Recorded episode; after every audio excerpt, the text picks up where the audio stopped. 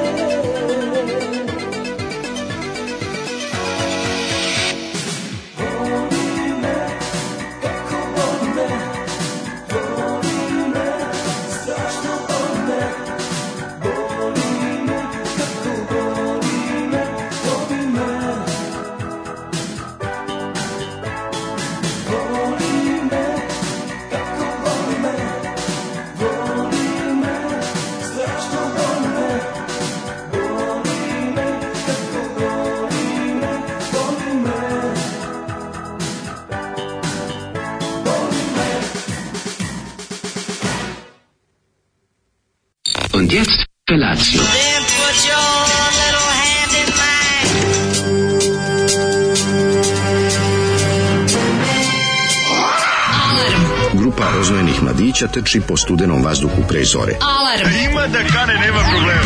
Svakog radnog jutra, od 7 do 10. Hajde, Geri, jako se velda! Nema da prska, nema da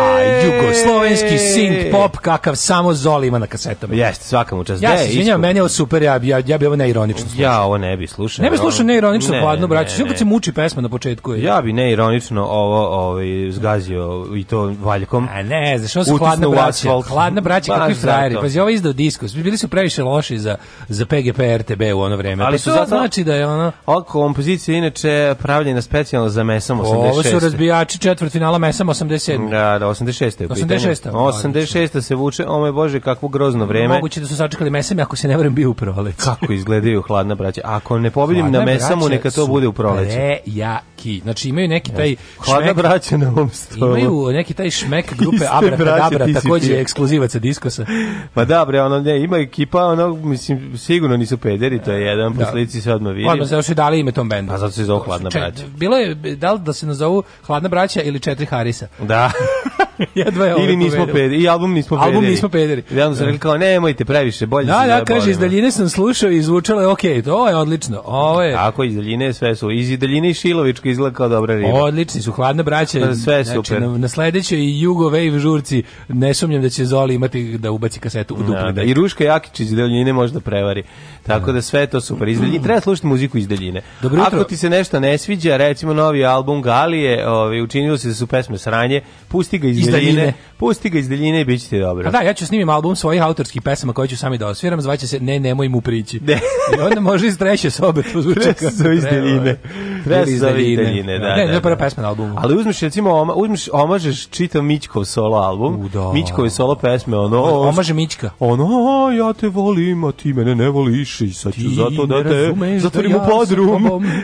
I... Imam planove, ako se opireš, morat ću da potrošim izolir traku na tebe, e, te. ili dve. Znači, to uzmeš...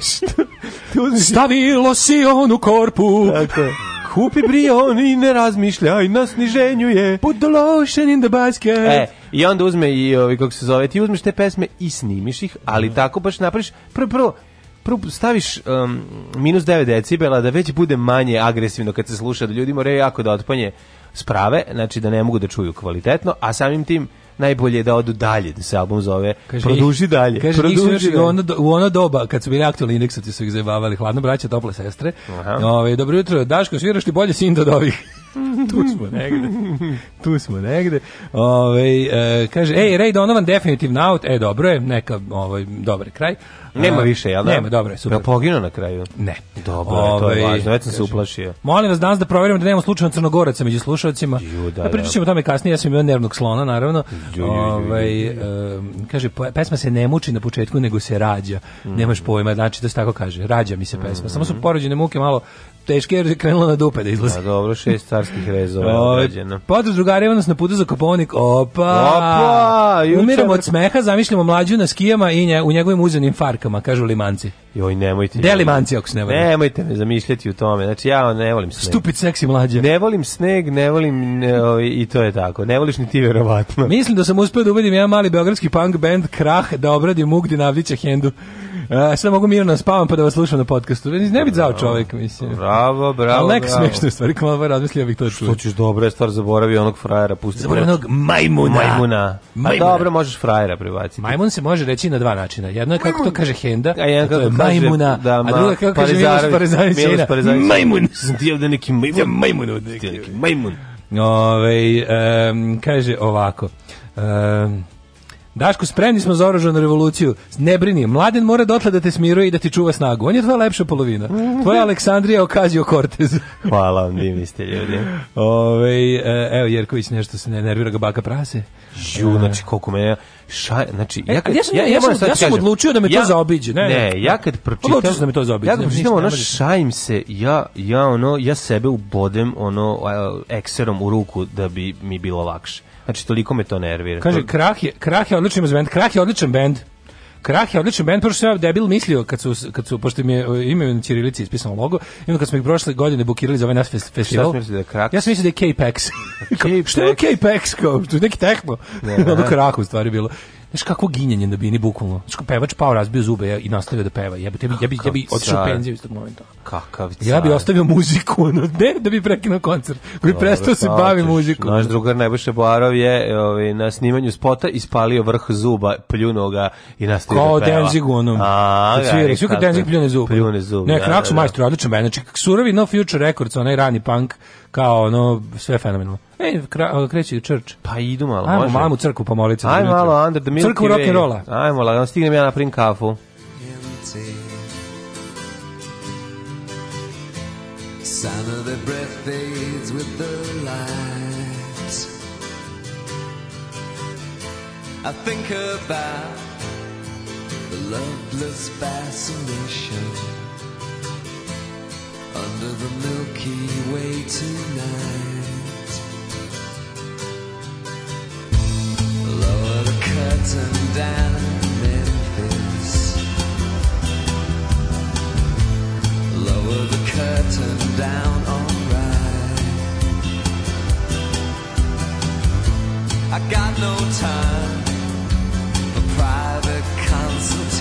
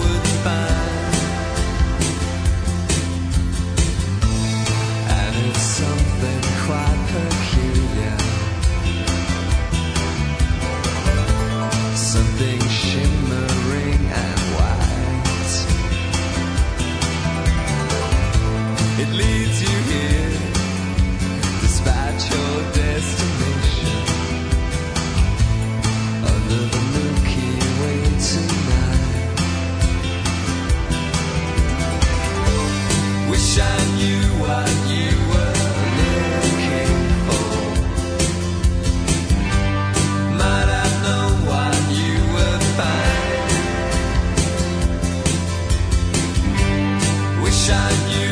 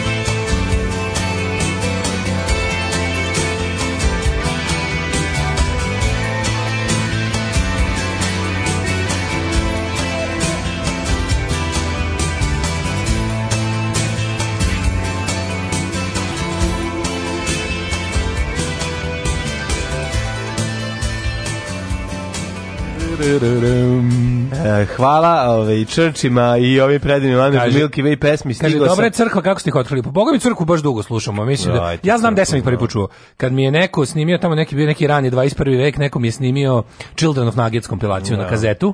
I tu je bilo črč i onda sam uzeo dalje da i ja, a prvu ovu prvu ploču mi je poklonio pokojni Ljuba limit. O, Lux, da, mm -hmm. pokojni Ljuba Limit i ovaj, da, to mi je nekako... U, taj band mi je dalje ostao ovaj, u glavi vezan za njega. Ali mislim mi meni inače nemaju ono veze, nikad se nije bavio čovjek tako muzikom ni izboli ono. Ne, ja sam Church ovaj čuo kod Miše iz grafita, eto on mi je ovaj A sa sam Mišom iz grafita da. sam posle mnogo godina išao, išao u Beograd na svirku, da, bilo je da, jako da, dobro. To je bio, mislim, Church u Australiji jako veliki bend. To je onako, mm -hmm. mislim, tu ima članove Saintsa još plus, mislim, oni su još posle svirali drugim nekim bendovima.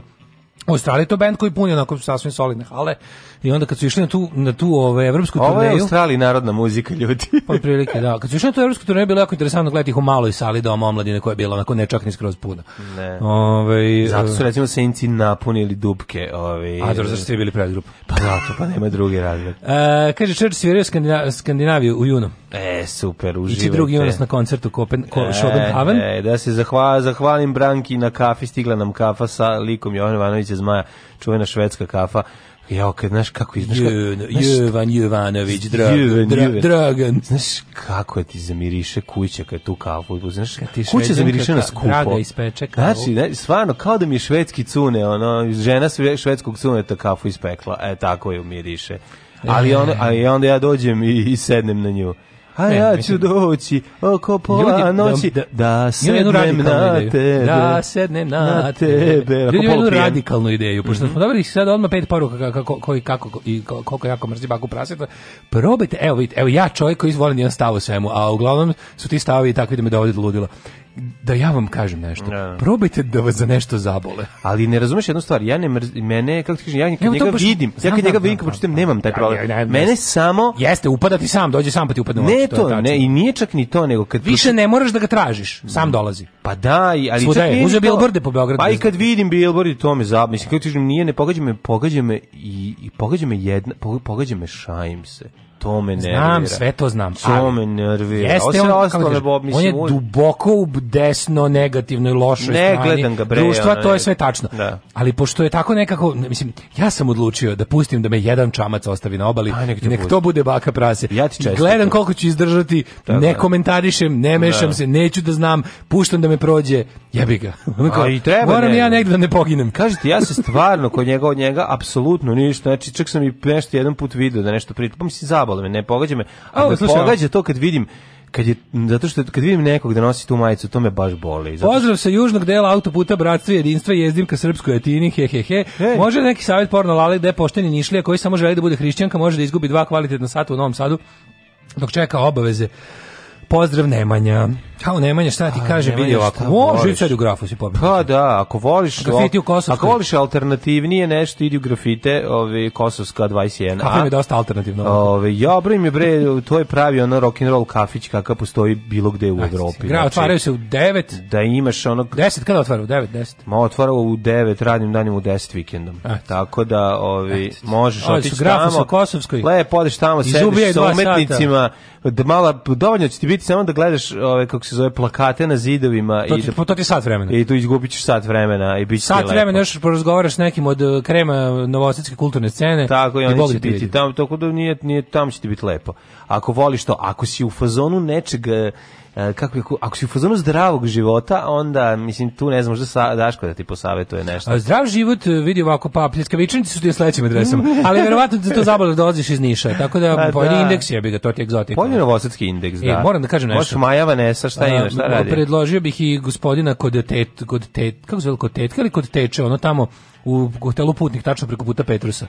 Rising Star u Novosadskom fa, Novosadskom fast foodu. Jel dobro? Da, tu volim da ubijem nakon nakon ove što sam eh, stišao flašu viskija, volim da pojedem jednu ove ovaj, kako se zove pljesku sa sirem. A, pljesku Znaš kako je ozbiljno? Znaš da. koliko staje pol kila sira? Posle sam pravi alkos, obožavam džigu, ono da pojedem džiga.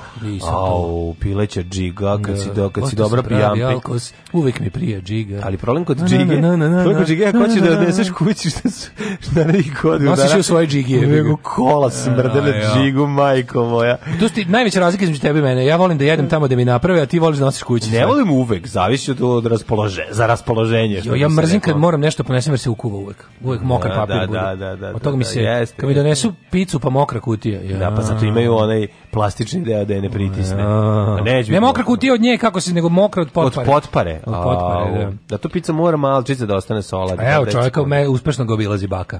Ignoriše ga maksimalno. Kaže, Evo, pa vidim da. periferni, vidim i ne se, ja to isto vežbam. Da, da, da. tako zvani đuričkom oka. Vidiš đuričkom oka i ne prilaziš. Evo, kaže, ovo što jezdika srpsko jetini, neka blica kad vidi sisato kamionđe u bijelu medafu koji jezdi ka Paraćinu. E, šta misli taj susret Kako dvojice, alarmđija? Sek, sekundu i po. Dvojice alarmđija, ovaj pokaže sisi, ovaj njemu pokaže da, on šta već ima, otko Šta ima nišlije? Čebić. Ovo je ovaj da. size, ovo ovaj je Čebić. How is your, uh, how is your day, honey? A, bio mi je uh, stručno, uh, mogu ti reći da sam konačno kompletirao svoj mali studio. Tako e, da, stigla ti spravica. Stigla mi je moja Oši sprava. Oši ovde? Pa doneću i ovde, naravno, nameštaće se. E, sad ćemo mlađi da snimamo svoje muzičke projekte najbali ste da vidite kad napred. Znači, ne samo da ih snimamo, nego da ih obilato puštamo. Stigo mi je Zoom R8 sad kad znači i priključimo Zoom ovde. Maturi. Kad na kad natakarimo ove. Ovaj, Proba nešto. I napravimo, nisam kartica mora velika, ova SD, neću da stavljam malo, kaže nije isti kvalitet. Tako da kupujem SD malo veliku karticu. Maš sam posle da imam i u fotoaparatu. Čekaj, čekaj, čekaj, čekaj. Uh, sva memorija mu ide na SD karticu. Na SD karticu. A ako ga štekaš, možeš preko USB šteko kompi da snima na komp. Može u komp, možda radiš šta hoćeš s njim. Pa tako i treba. Treba da daš ovde. Ne, treba kom, treba da se iskoristi da, da. da. SD karticu jer mu je fora da se na njemu sve komponuje on je takav da možeš da radiš sve sve na njemu samo. A ili ima i kao tutorial. nezavisno napajanje tipa možeš da možda na bateriju da radi.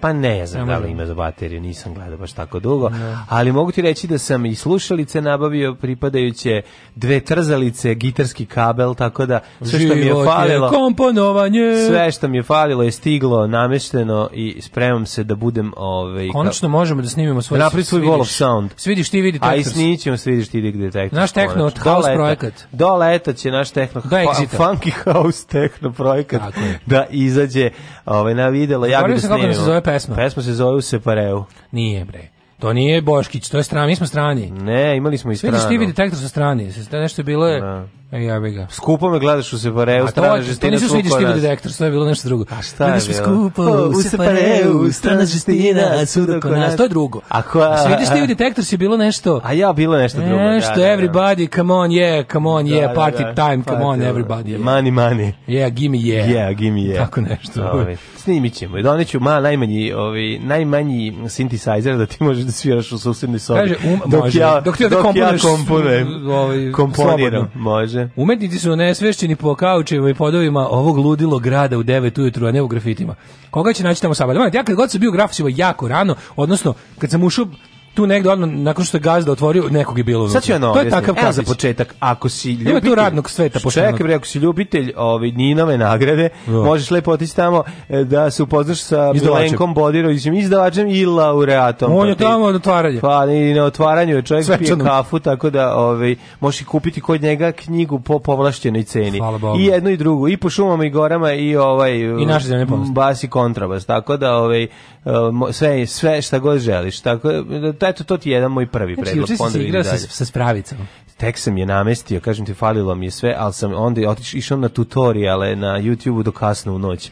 Vrteo, ako stisneš ovo dugme, šta dobiš? Ako stisneš ovo dugme, šta dobiš? Kako prevazići problem sa kojima se mnogi susreću? A, A hvala Bogu, ljudi su, pa da ne mogu da nešto ubace, pa kako se lupuje ovaj, pa kako se prebaci na jedan kanal. Slatko, jako, zato što možeš da iskoristiš svih uh, osam kanala, a da ih onda sve prebaciš na jedan kanal, on ti ostane sedam slobodnih. Tako možeš da slažeš da, i da, da komponuješ koliko hoćeš. Bubanj iz osam delova, završiš, Tako, staviš pa četiri dela, onda... šta mi iz osam? Normalno, znam, možeš da gong, pinč, miz. Znaš kad smo, kad smo čatija izmišljali činele, da. sedeli s nekim likom metalskim bubnjarem u ranim fazama benda, išli smo negde na svirku, busom, socko, i onda, i onda nam je bio lik koji, ono, znaš, met, metalski metal, ne, da. kao splash, kreš, onda, onda sklenuli dalje lupeta. miz, č, čmonj, da. i ostale, čang, miz. Ne možeš da misliš, sve postoje. Miz, Eščinela ne postoji. A eš, ali dobro zvuči. Ne znaš za eščinela. Eš dobro zvuči. A znaš koja je eščinela? E, dobro isečena kontra. Ona. To je Đorićeva isečena, sta, ova, kako se zove, kreš koja, ove, koja se, kada udaraš, čuje se aš, aš, aš. Kaže, ste kupili voice modifikator što koriste ovaj IDG TV trap scene. To ćemo lako autotune programčić. Autotune program, to ćemo ubaciti, da, da. da. U, se... bit će ovo zanimljivo sa mlađom iz Zoom R8. Nek priključi kišobran na kojem svirao na nelonu Može, ploče. band da se zove Out of Tune i to nije loše.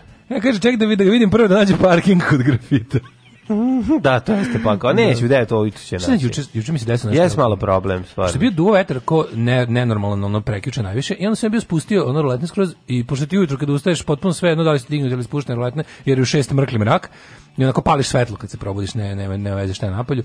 I ovaj, onda nisam, pošto sam se mačka promptno pobila odmah, nisam uopšte dizao roletne. Juče kad sam došao s posla, Ovaj mm -hmm. sam ušao i bilo onako prijatno zamračeno u, u sobi. I sam bio zonko samo malo da prilegnem. Mlađe, to je bila tolika koma. Dok si spavao? Do pola šest. Mamuti. Znači, crko sam skroz.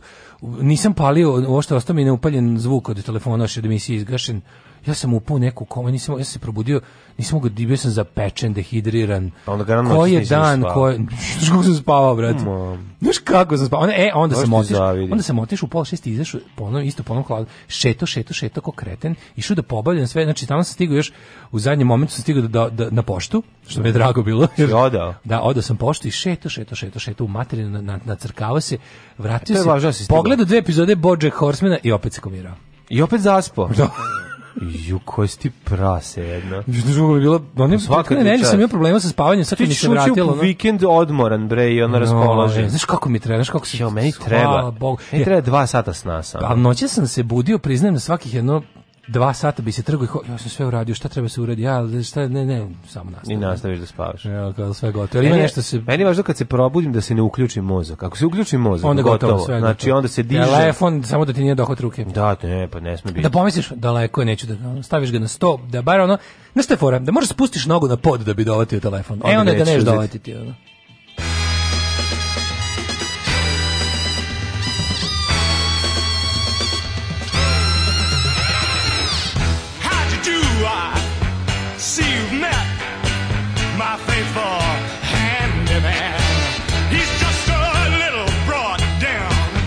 Cause when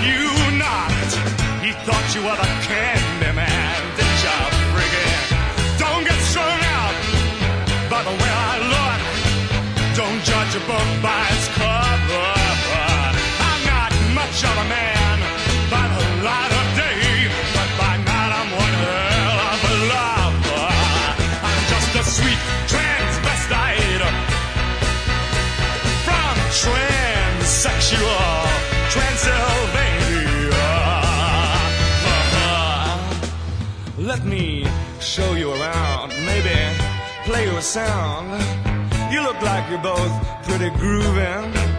Or if you want something visual that's not too abysmal, we could take in an old Steve Reeves movie. Well, I'm glad we caught you at home. Uh, could we use your phone? You see, we're both in a bit of a hurry. We'll just say where we are, then we'll go back to the car. Uh, we don't want to be any worry.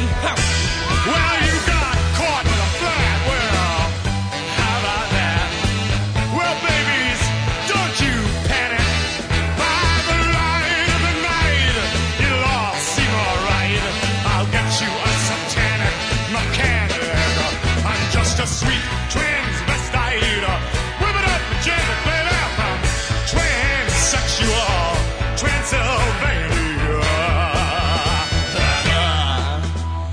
don't you stay for the night? Or maybe a bite. I could show you my favorite obsession. I've been making a man with blonde hair and a tan, and he's good for relieving my tension. I'm just a sweet transvestite uh, from transsexual Transylvania.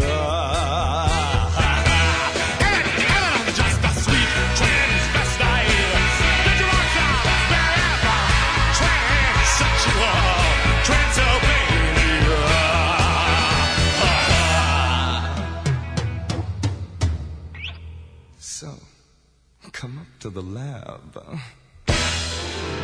and see what's on the slab. I see you shiver with anticipation. But maybe the rain is uh, really to blame. So I'll remove the cause. but not the center.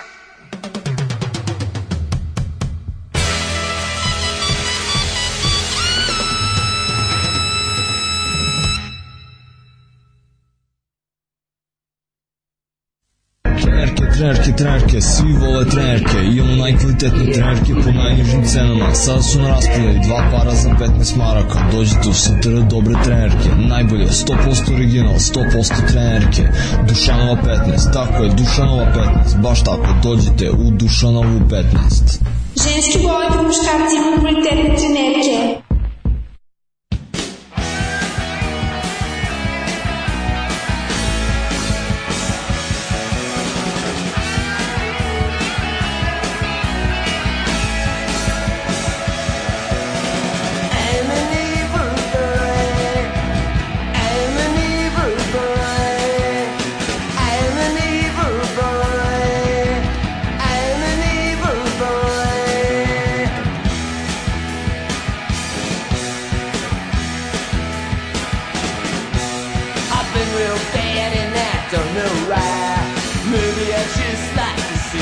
cry. Maybe I just wanna tell you lies so I can have fun. Feel no guilt for what I did. I'm just a nasty little kid.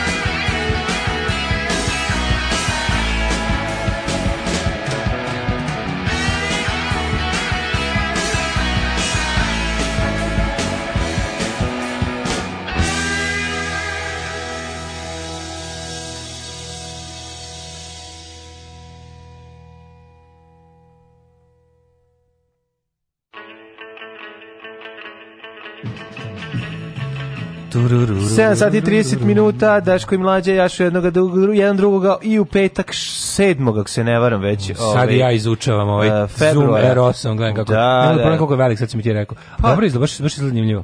Jako je zanimljivo, imaš mnogo dugmića, može se stisne i dva odjedno. Ja. Ima i crveno dugmića samo samo A kad tri stisneš zajedno restartuje Kad stisneš tri postane pravoslavni.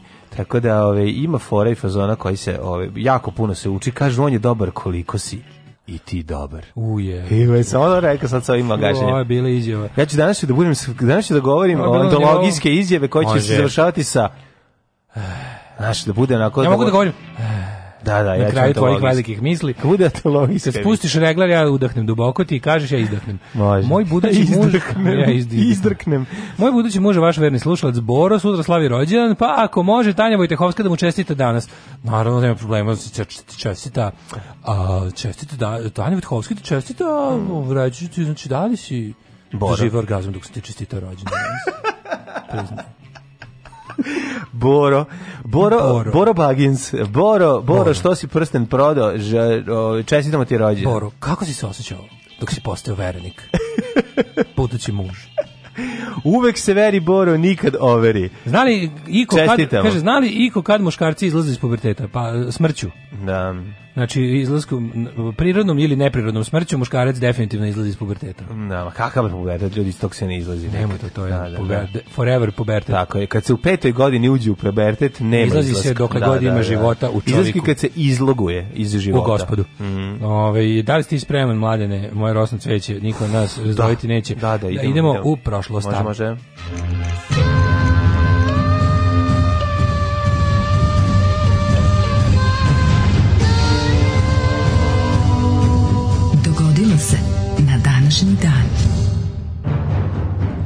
Daško.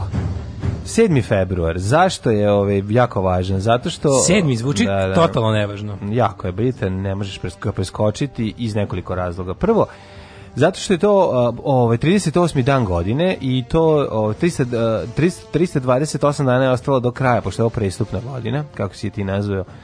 Um, offending year. Da, offending year. Ostaje nam još... Felon year. Tako je.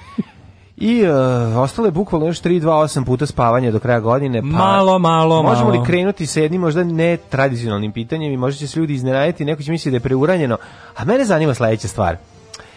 Gde ćeš za najluđu noć? Za najluđu noć idem u Pleternicu. Pleternica? Da, juče mi neko pisao iz Pleternice i pitao da li još imam ne, ovu ploču grupe Red Union da mu pošaljem. Ja sam rekao imam poslednju na svetu i poslaću u Pleternicu.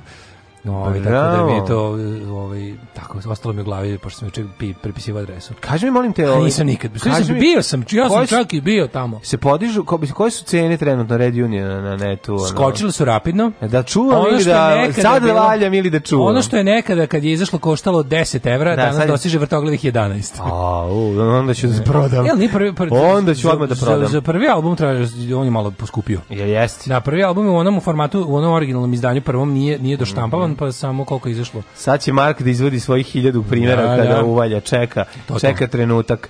A, o, ovaj, istorija počinje tebi kada? Ti si 457. Stari. Isti smo, izvoli kolega. Kada Lav prvi stupa na istočno-rimski, odnosno vizantijski mm, Kada su životinje vladale Vizantijom, Jeste. to je mala zanimljivost. A 1490... Supruga mu je bila zebra a dok je ovaj dok im je ćerka bila majmuni što voze romobil. Ne, ne da. deca su im, deca da, su im da, majmuni što voze romobil. Ćerke su mu što damešti romani. romani, romani su skupi, dečaci su glupi. E, uh, 1000 godina kasnije, 1497, imaš nešto između? Nemam, e. imam nešto između film. E, uh, 1497 Lomača taštine.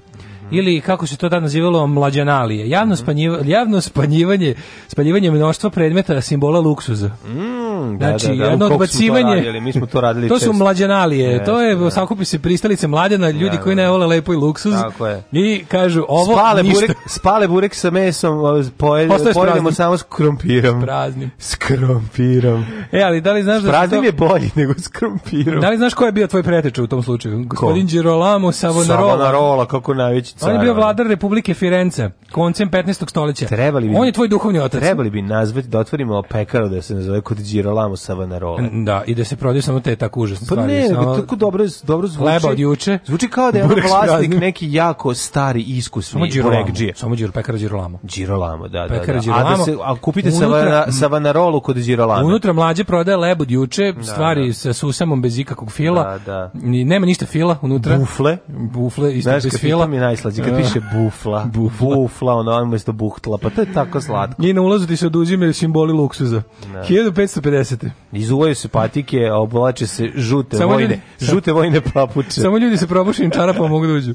1550. Ne, ne, ne, mi, ako ne, i ako uđete luksuzni, mi vas napravimo ne luksuzni. Znači, vi uđete s probušim, sa celim čarapama, mi vam probušimo. Desi vam se lomača taštine. Mada ne može da se lažira stara peta. Stvari. Stara peta ne može da se lažira. Ne, to se vidi kako? kao kad neko nove pantalone uđe na ulazu, svi naši proizvodi pečeni su u peći na ne drva, nego na vaše predmete luksuza. 1550. Ja, ako ti ne prdiš, ja ne znam šta se ovde dešava. Ne, da ja mislim da se s te strane da, da je ovaj, smeće počelo da nešto smrdi. počelo da, jel nismo juče izbacili onu, da li ti je ostala neka konzerva ili tako, ili ono jajo. jajova. Nije od jajova, pa ja pojeo od jajova. Ali ostao možda miris od, od ambalaže. Ja pojedem i miris, mi smo siromašni. joj, Nema ništa posle nas. Omača taštine sve proguta. pa da. Ovi, ti nešto, nešto tu moguće da da ne znam da dobacuje. Da si čitao, va, da li si gledao vašarne maštine sa mnom? pa to nastane kad izgori taština, da. Pepeone maštine. 1792. Mm, 1783. Mm -hmm. Francuske i španske snage su prekinule opsadu Gibraltara. Mm -hmm. Dobar ti ovaj Gibraltar, što rekao moj pijeni teča, yeah. Da. kada je ovaj kada e, kada mu je pojao kormorana izjavio kako ti je dobar ovaj Gibraltar. Pa tu nema ništa bolje od toga. A bolje vam ne da pričam kako je došao do kormorana da ga pojede. 1792 1942. godine Austrija i Pruska sklopile savez protiv revolucionarne Francuske u strahu od širenja ideja građanske revolucije. To isti onaj što je pevao, a majku što mi si se rasto. To je bila prva od šest koalicija, čisto da znam. E, deda, deda, te, deda teča, deda teča, deda teča. Znači. Deda teča, kakav probisvet. Pa da, ne možeš da zamisliš. 1863. Da, da. tek sledeće da, što imam. Na britanskom vojnom brodu Orfej, mm -hmm, koji je potonuo Pored obale Novog Zelanda poginulo je 190. Pored obale dobrih riba. Ovaj, da, Obala, koji su davio dobrim ribom. koji su davio dobrim ribom. 1863. Koji nije mogo uspio da dobaci svoj palamar do obale. Da, bogam, zato što su ga zgrabile žene pokvarene. Šta, I da, davio se. Da, da. 1863. Da. Ratifikovan je 11. amandman Ustava SAD-a mm -hmm. kojim su ograničene mogućnosti državljana SAD-a da tuže državu pred federalnim sudovima kako bi se preinačila odluka Vrhovnog suda u slučaju čizom protiv Đorđije. Mm -hmm. Znači, kad smo kod Orfeja, da. treba da vidiš bugarski bas Orfej kako izgleda. A, pa znam, to, to je tamo, ima ga na ono... ima... Ima ga na onaj obscure gitar, znači nešto što ima, ska, što ima skajano odelo. Si video to? Ima skajan, znači, neko je na telo zalepio skaj. E. Za slučajno ne izađe neki ton. Da udenfuje da svaki mogući, to baratno pa pa rusi. Šta da to ga dodatno ubasuje ga? Ma de ga ubasuje. Ubasuje ga. Ubasuje ga, obesmišljava. 1913. Crnogorska vojska u i srpski primorski odredi u Prvom Balkanskom ratu počeli napad na Skadar, koji je držali Turci. Držali Turci, tako. Da, međutim onda došao zapovednik e, srpskih trupa e, general Lončar uh mhm. -huh. i rekao ja gledam da ove vojske ne bude Crnogoraca, da, ne treba nam. Da, onda nismo mogli da Ja nismo mogli da Da, da, inače pao je ovaj Skadar, al posle morali da ga vrate.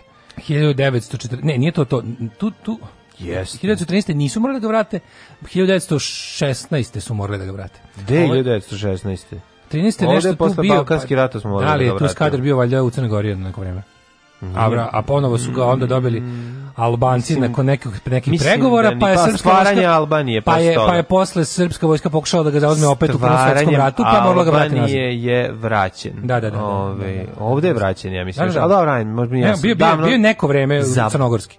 Pa bio 12 dana, ono, borili su da ga vrate. 1942. Mm -hmm. Ustaški pokolj u Banjalučkim naseljima. Drakulić, Šargovac i Motike. Jezivo. To je, to je obio... Ovaj, 2300 ljudi ubijeno. 2300 ljudi poklano, ono najgore. Da. To je bilo toliko da su čak i ove okupacione vlasti zahte, morale da, da ono urgiraju kod prilike vrhuške NDH. Ko? Da, italijani? Ko? Italijani, ne znam, ko još je mora prilike da traži kao nemojte to radite, jer ćemo ono imati pobu, ako nastavite da ono da, da, da, da, da čerečite decu i koljete ono Strašno. i ukrašavate gradske trgove iznutricama ljudi, ono imat ćemo pobunu koju neće nikomu će zaustaviti. Koliko je to jezivo, majko. 47. Britanski plan o podeli Palestine na arapski i jevrijski deo odbacili i jevreji i Arapi. 1962. u eksploziji u rudniku uglja kod Sarbriken u zapadnoj Nemačkoj poginulo 298 rudara. Majko moja. A, Britanska grupa Beatles je prvi put gostala u Sjemeničkih država 64. Znaš to ludilo kada a, Da, to je početak Beatlemanije, mm -hmm. a, odnosno Beatles je osvajaju Ameriku, pojava mm -hmm. kod Ed Sullivana na televiziji. Da, e, da, zbog da, njih je na toj turneji izmišljen savremeni sistem razglasa za, za koncert. Pa morali su. Jer je bila fora da su oni prodali recimo šest stadium, da. um, bejsbol stadion, da, koji je... Da, masa se ovaj toliko drala da nisu mogli ništa da se čuje. Ljudi bukvalno samo videli tri četiri da. lika koji su tad nije postojalo. Četiri lika. E, da, četiri lika koji ovaj, sviraju i pevaju ono, sebi na bini, a ostatak je samo bilo Nemoj mi bubnjara na, ovaj, negirati. Ma ja sam basista Znam ja šta je ti. A izbasista si izbacio. Nemoj mi ljubu dirati. Nemoj mi pola. Ne, diraj mi. 1968. Premijeri svih deset eh, kanadskih provincija odobrili nacrt ustava prema kojem status francuskog jezika u cijeloj Kanadi izjednačen sa da. engleskim. Pre toga je bilo samo u Kvebeku. Tako a onda su ovaj odlučili da Korek. da ovaj da da to da bude službeni naziv. E, znaš odakle je ovaj naziv Quebec? E, I da ne znam, čuo sam 50 puta od tebe. Hvala ti. 1969. A svaki put je smešno. Možda čak Quebec. i sve više smešno. Quebec. Možda čak i sve više. 69. nigerijski avioni bombardovali prepunu tržnicu u jednom selu u pobunjenoj Biafri. Ja, strašno. Eto, 200 ljudi poginulo. Ne znam da li su da li ne znam ne, da li su, Ne, oni su sami na sebe bacili. Da, ne znam da li su posle ovaj pričali da to Biafrani sami Biafrani sami sebi bacili. A ne bi nigerijski narod uvijek samo branio. Ma ne. 1971. Žene u švajcarskom referendumu dobile pravo glasa. Ovo je naj... najsvetliji da. sramni dan u istoriji Švajcarske. Mm, da, da, da. Mislim, dobro je što su dobile, a sramote što 71. 71. godine. Majko, ja. Da. to moguće? Pa moguće je, jebi ga. A šta, ka, kako, ne, je meni se kako je moguće da 69. U kako je 65. U tim zemljama to kao ono čistog kapitalizma, tog da, nemilosrdnog da, kapitalizma, koje su kao, znaš, još, kao imaju tu liberalnu kapitalističku privredu, konzervativno društveno uređenje, se tako desi nešto, pogledaš zakon i vidiš otprilike neke, da neke suludosti, ono kao tipa, da li vi znate da ne znam, ono... Nisu da. mogle zato što su vimom čistile zlato. Ona pa nisu imale vremena da izađu. Da 1974. Mm -hmm. Grenada. Je stekla nezavisnost Jedinog kraljevstva? A, e, da, stekla je osamostala se skroz. Mm -hmm. e, 84. američki kosmonaut Bruce e, McCandles je napustio Challenger i postao prvi čovjek koji je slobodno prošetao svemirom. Da, da. Kasnije se vratio, mislim, da ispada da za stalno napustio. Tako je. 86. E, aha. Haitija e, Divalije pobegao iz zemlje i okolično 29 godina du, diktaturu ma, u toj karibskoj zemlji. Da, Majka. preuzeo gospodin Jean Bertrand Aristide, Aristide mm -hmm. pre, mislim, sveštenik bio. Mm -hmm. 1992 članica Europske zajednice u Maastrichtu u Holandiji potpisali Maastrichtski ugovor, Koji kojim je ta ekonomska zajednica od 93. postala političko-pravna unija, mm, Evropska unija. Pa ti vidi. Bravo, znači ovo ovaj danas je Maastrichtski sporazum. Maastricht, da. Mm, 95. U Islamabadu u Pakistanu uhapšen Jusuf, uh, glavni je sumnjičan za napad na uh, svet, svetski trgovinski centar u Njujorku 93. Kaže da on bio mastermind. Stvarno, čekaj, to je ja. Da. napad iz 93. Uh, to je onaj uh, čekaj, neku bombu, 93. da, to je bio prvi napad na, na, na ovaj, kako se zove, to je bomba poginulo 600 više od 1000 povređeno. Taj optužen da doživotno na robljeno šest islamskih ekstremista. To je da, to je to je taj prvi napad na, na WTC. Uh, 1996. u Boeingu 757 koji se srušio posle poletanja iz Dominikane ka Nemačkoj poginuli svi. Većina putnika bili nemački turisti. Mm. Onda... Pa onda ovaj, u Beogradu mi, ubijen ministar odbrane Pavle Bulatović. U, 2000. godine. 2000. da. Da, da. Novi, novi postao da. Dragoljub Bojdanić. Dragoljub Bojdanić. Da, da, da, Nikolić da. Dragoljub Bojdanić. A su se rokali tu, to, da, znači, neka... Ko je to? Ko, tu Nikolić, tu šta je služba?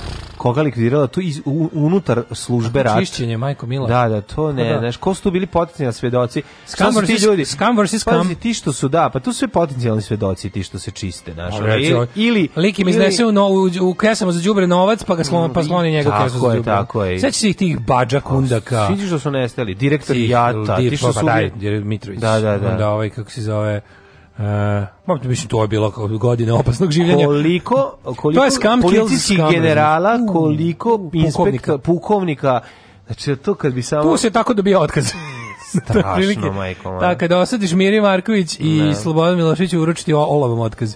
Uh, e, 2014. Pa ja mislim da to bilo ono ko, kolebljivi su stradali, znaš, za onog ko, za koga se ko, za koga se znalo da je da- tvrd da, da, i da nema šanse da će Hoće do kraja biti vnogo.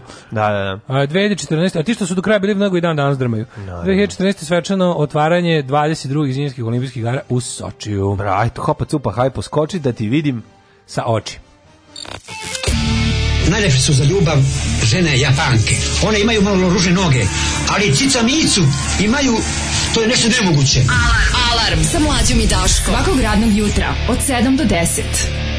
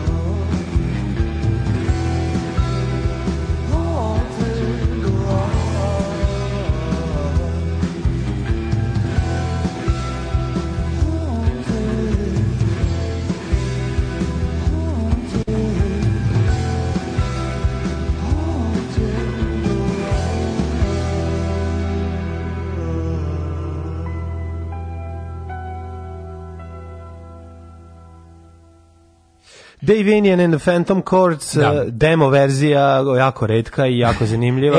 Ej, sad sam... Teo sam da se izvinim samo Dašku, što sam ga optužio za prđenje. Sram te bio. Kanta smrdi. Pa, pa naravno da kanta pa smrdi. Pa izvinio sam se šta. A, ovaj, nego sam ti teo reći, skoro sam čitao neki veliki intervju sa Dave Indianom iz mhm, Demda, mhm. koji kaže da je konačno posle tipa 20 godina Polidor, izdavačka kuća za koju je snimio to i koja to nikad nije izdala, da. mu je dala trake. I sad će on to nešto da remikse i sad će to izaći kako treba. A izlazi pravi taj album. koji ti voliš, koji da. je snimljen tako kako jeste, on je dobro snimljen, samo što nikad nije poslagan. I onda je on ovaj dobio te neke trake koje nisu producirane i ovaj tako da će taj unreleased Polydor album konačno da bude released album ono sa sa da produkcijom. da otkupi on, šta? Pa da, da nešto da imali su pravo da 20 godina drže i držali su ih samo nisu ih ništa ne, ne mogu da drže tebi kad izdavač moj mu da ti ne izda, da, a platiti ono i ne da. izdati. Pa Sad da, moguće da on otkupio. Da. Ne, pa da otkupio u besenje pošto ih zabole za ono za to. A prošlo je ono vreme otprilike. Da, da, da. Tako da je nešto sam čitao intervju da će sad to da izađe kako treba.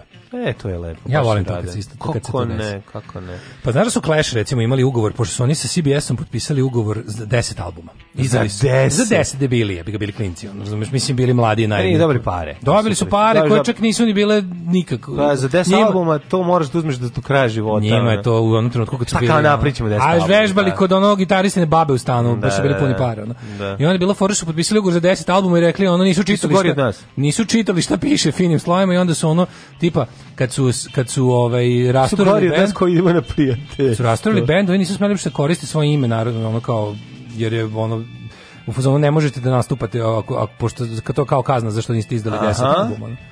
Što niste izdali 10 albuma, prekršili ste da ugovor. Ne može, da. Taj, nema mi zezba. Pa da, Kako su se zvali onda? Pa nisu se zvali, raspali su se, ono, nikad više nije bilo kleša posle toga. Ono. Samo zbog toga, posle to je razlog. Albuma, posle pet albuma.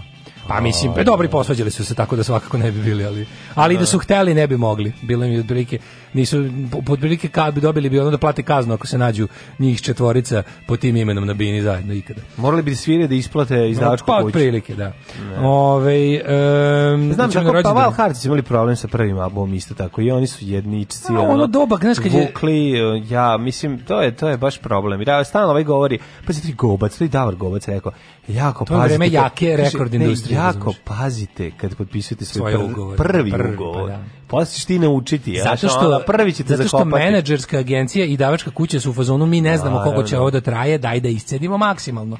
I onda ti kada to I oni tebi daju ugovor koji je ono koji je u, u, u biti napravljen da on kuće dobije, mislim. To, to ti kažem, ali ali je, nisu ni oni ono kao nisu oni to radili zato što su zli, nego zato što kao takvi mladi bendovi su uvek u fazonu kao ono možda crknu sledeće godine daj da ih iscedimo maksimalno. Zli su ugovor, oni, a mladi nije zato. Oni su zli, a mladi bendovi su oni, žele pošto potudi da izdaju postanu popularni. Zašto ovi normalno. prave tako ugovore koji tu ugrobare, tipa traže od da tebe odmah 10 albuma ili ne vidiš Dobro, da si im prepustio budala, pa, ili ne da. vidiš da si im prepustio prava na pesme do zauvek i ostalo, razumiješ? To, da, da. To, pa Zato što, pa, u tome je suština. Pa, da. Nije suština tome, su, suština ograničenje ugovora to je ono suština. Ograničenje vremena trajanja i te stvari. To ljudi ovaj, jednostavno kad si mlad bendi neko veliki ti da šansu, si upoznan nekom je da. dao šansu. A to je to. Uh, 1477. je prvi rođen, kada je rođen gospodin Thomas More. Me, a molim te, zašto ti preskočio 1101. i Matildu od engleske, caricu Svetog Rimskog carstva. Da, da, engleska Matilda stigla, engle, stigla je iz engleske, ove, verovatno iz tamo i neke njihove loze princeza a udala se za svetog rimskog da. cara Thomas More, nemačke narodnosti. Thomas More, ako se ne verujem, on je, dobro, on je znam sigurno da je napisao prvo delo ovaj, utopi, socijalističkog utopizma, mm -hmm. Utopija, mm -hmm. to je neko kao začetak socijalističke misli. Humaniste i države. A mislim da ga je Henry VIII skratio za glavu. Može biti. 1693. rođena Ana I Ivanovna, carica mm -hmm. Rusije. Ruska 1752. rođen Đuro Hidžo, hrvatski i latinski pjasnik te prevoditelj. 1820. Charles Dickens 20. na današnji dan rođen je Charles Charles Dickens, jedan od mojih omiljenih pisaca, najznačajniji pisac, čovjek Stvarno koji je... Stvarno ti je to jedan od omiljenih pisaca. Ja volim Dickinsa. Niti to teško da čitaš, ono kao niti... Ne, baš Niti volim. drago što je sve to snimljeno kao filmovi. Ne, ne, baš sam voleo Dickinsa mm. Da. i, rado, i vratio sam se, moram ti reći da sam mnoge knjige ponovo čitao nakon nakon toga što smo morali, nakon što ovaj gospodin tebi ne znam, moguće da je on oblikovao moju Ove, ljubav prema bedi. Ljubav, da, da, prema siromaštvu. Mogući, to više nikad nisam razmišljao to. Da. Ali, da. ovi, znaš, on slash Alan Ford, znači kad se te dve zajedne, sve stvari ali, spoje... Ja vidim tu direktno vezu, to. Pa da, da, to Mislim, taj, to sorry, Alan Ford jeste Dickens sa cinizmom. Pa jeste. Cinični da. Dickens. Ono. Tako da, ovi, 1815. 1815. Volim ga ja. Rođena Ana Marija Marović, mm -hmm. redovnica. Augustin Čengić, pisac. Mm -hmm. Alfred Adler, psiholog 1870. Pa onda eh, Sinclair Lewis, američki književnik Nobelovac. Da li znaš ko je Thomas Andrews Jr.? Ne. Rođen 1873. Irski poslovni čovjek te brodograditelj projektant RMS Titanika. E, on je projektovao Titanik. Ja. Mm -hmm. Ali ga e, nije... Šta je RMS? Royal Merchant Ship? Vjerovatno. Pa, e, da. Merchant Ship. Royal kao, Merchant pošto, Ship. Pošto je, ovi ostali su svi, jel da, kao uh, vojni. A ovi da, kao koji da. nisu su merchant. A kako, kako piše za vojne? Pa imaš razne, imaš, e, ne znam, Her Majesty's, ne znam, cru, cru, Cruiser, da. Her Majesty's Destroyer, Her Majesty's ovo, ono. Mm. Dobro je Her Majesty's Destroyer ima za band. Da, da, da, da, kakav Dobro je i za pornić ima. Kakav pornić, majko. Her Majesty Destroyer. Ja, ili Royal. Razvaljitelj njene čavke. Preude, da. Čavka mrdr. Ča... 1807, ne, možda, njih, možda je Royal, možda su svi Royal. Royal su da, bre. Da, a ima i ono nešto... A Royal to je razvalitelj, Royal razva, to je nešto... A ima, ima i SS, to je nešto, ne znam kakav šip, zaboravio sam. Da, SS da, da. je da. bolnica, ja mislim. Da. Mislim da je SS, ovaj, da je to nešto sa, sa, sanit, ship, tako nešto. Mm -hmm. tako nešto. Sto bol, plaveće bolnice. Pa tako su se vadili, još su bili u SS diviziji. Da, mi smo s bolnice mi smo plaveće. bolnice ljudi, umo bolnice. 1875. A, Royal Destroyer to je inače, ovaj, to su naši drugari što su cugali Royal ispred pa, Svi smo mi bili Royal svi Destroyer, jedno Royal Destroyer. Dok mi se nije da. zgra zgadilo. 1875. Sigurno, sigurno. E, rođen Walter Courvoisier, mm -hmm. kompozitor mm -hmm. ne onaj. Onda Sinclair Lewis, američki knjiženik 1885. Puji, Puđi. Šta je to? Puji, poslednji A, knjižni car. Puji. 1906. Da, Puji. Da, da, da, da. Harry Nikvist. Mm -hmm. On je ovaj, jedan pionir računarstva. Oscar Denon. Jugoslavenski Oskar dirigent, Danon, car, car. kompozitor ješkog poreka, mm -hmm. akademik i tvorac jedne od najboljih marki japanskih ele, da. elektronskih proizvoda. On je Danon, nije Danon. Denon. Šalim se, da, da, da. A, nije Danon, nije Danon. Nije Danon, šalim uh, se. Mladen Veža, slikar, uh, Dušan Vukotić, Mm, 1927. Mlade ne veže. Pazi ovo, Dušan Vukurić prvi hrvatski Oskarovac. E, reditelj, scenarista, animat, pa jugoslovenski pi, pa vidio sam, smiješno mi je što sada, prvo sam vidio da ga svojataju, svi, da, prvo da, kao da, hrvatski, sad sam vidio nešto kao tipa prvi crnogorski Oskarovac. Ljudi, jedino i samo jugoslovenski. Jugoslovenski, pa nemojte zabijati animator, jel kako se zove, sur, surogat, surogat, surogat se zove da. crtani film, ima ga na YouTube-u, e, pogledajte, jako je Juliet Greco, francuski to je jedini naš Oskarovac. Jedini Oskarovac da, da, da, za, da. za ove prostore. Mm ne, jel dobio, čekaj, molim te, jel onaj Nietzsche zemlje dobio Oscara. A, ja mislim. Je on dobio Oscar? Ali je post jugoslovenski. Tako A je da on dobio Ja mislim da je. Pa kažem sa ovih prostora bez obzira ja koja država bila. Ja mislim da je zemlja dobila. Bez obzira s kojih prostora, ali to to ja mislim film da je, nije za Oscar. Pa naravno da nije. To je onako mali interesantan nije, film, ali to nije tako dobar. Da nije tako dobar film. Daleko da je materijal za Oscar. Jeste, meni dobar je film, ali nije tako dobar film. Mislim, da. jedan mali dobar film nije, pogotovo što je te godine nešto ono kao, ako se dobro sećam, bilo bilo boljih u konkurenciji. Pa bila Amelija Kulen, ja mislim. se ne znam, to stvarno, ili, ili sam ga pobrkao sa sa konkurencijom za, za, za zlatnu palmu. Ne, ja mislim da on jeste dobio na, eh, za, a to sam sad lupa, a možda se možda ja pogrešiti. Ja mislim da je dobio kao najbolji strani. Strani film, da, da, da svakako, da, da. Ja ali mi se da čini ničija zemlja. I to je onaj, ta, kako se on zove? Dani Stanović. Dani Stanović. Da, ne znam šta je on kasnije radio, recimo, to bi volao da vidim. A, ne znam šta. Ja što se tiče Jeste Best Foreign Language pa, 2002. Da, drugi. Ja što se tiče mm. stranih film, ovaj što se tiče bosanskih režisera, Ademir Kenović ubeljivo najbolji. Znači, A dobro, taj ne, nema. Taj režira već 20 godina. Šta ne režira? Šta režira? Režira, radi čovjek. Stvarno? A kako ne, aktivan je, mislim, radi. Radio je po još filmova posle toga. Da. Stvarno ne znam, jedan film Ademir Kenoviću da sam bio u zadnjih puno. Uh, da, dobro, to je više taj, kako da kažemo, ovaj, E, Steve Tešić užičanin Oskarovac. To je taj socrealizam koji, koji ja volim kod njega. Steve Tešić užičanin Oskarovac. Mm -hmm. Ove, ovaj, držite palče da Makedonci dobio ove godine za Honeyland. Mm, ej, što dobar Honeyland. Da. Um, ehm, nisam gledao, ali vidim mm -hmm. kandidovan i vidim da je zaista kandidovan. Neko mi ikada, znaš što je najbolje? Čuda. Kod, kod nas, nas sve u zaštiti. Prvo UNESCO nam je sve zaštitio, a drugo, a drugo svi su kandidati, svi su za, Oscar. kandidati za Oscar. A to kad kažu srpski kandidat za nagradu Oscar, to znači naš kandidat za kandidata za razmatranje za kandidata za Oscara. Ne. Mm, da. I ono, ne da li ikad je bio neki zaista ovaj, u, u pravoj, onaj, da ga čitaju. Da, ušao, da. da ga čitaju, and the nominees are. Mislim da je bio u zemlji meda i krvi to nije naš film. Šalim se. E, znam, hvala Bogu. Da, pa onda ovako. 1927. rođen Vladimir Kuc, atletičar. Mm, mm, e, 1946. Pit Postlewaite, engleski glumac. Znaš ko je to?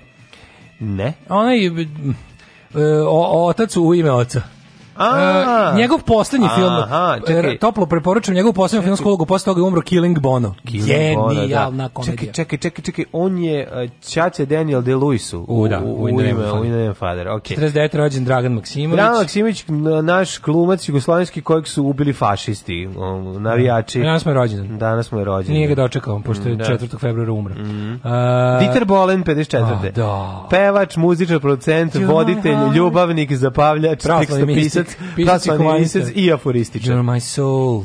Ja, na, na, na, na, na, na. Producent odgovoran za najveće mm, e, muzički zločine. Najveće muzički zločine slash remek dela i otkriće takvih zvezda e, eurodiska, italo diska u Nemačkoj. Mislim kad se Nemačka i italo disko venčaju nastaje eurodisko, nastaje CC Catch, nastaje Kako Dieter and the Test Babies. Dieter and the Test Babies. Mislim ima svega. I ostala zla. E, Steven Gould, 55, američki pisac. Gould. Mm -hmm. e, mislim, da je to Steven Jay Gould, on yes. naučni pisac. Pa ja mislim da da. E, on je zapravo geolog. Ej, znaš kome je danas rođen? Jamesu Spideru, obožavamo ga. James Spider. James Spider, da, Spider, okej, okej. Okay, e. okay. seks laži, video trake, Uh, zatim uh, James Spader sve do skoro dok nije počeo da glumi na televiziji u ovim komercijalnim serijama bio garant za izopačen film.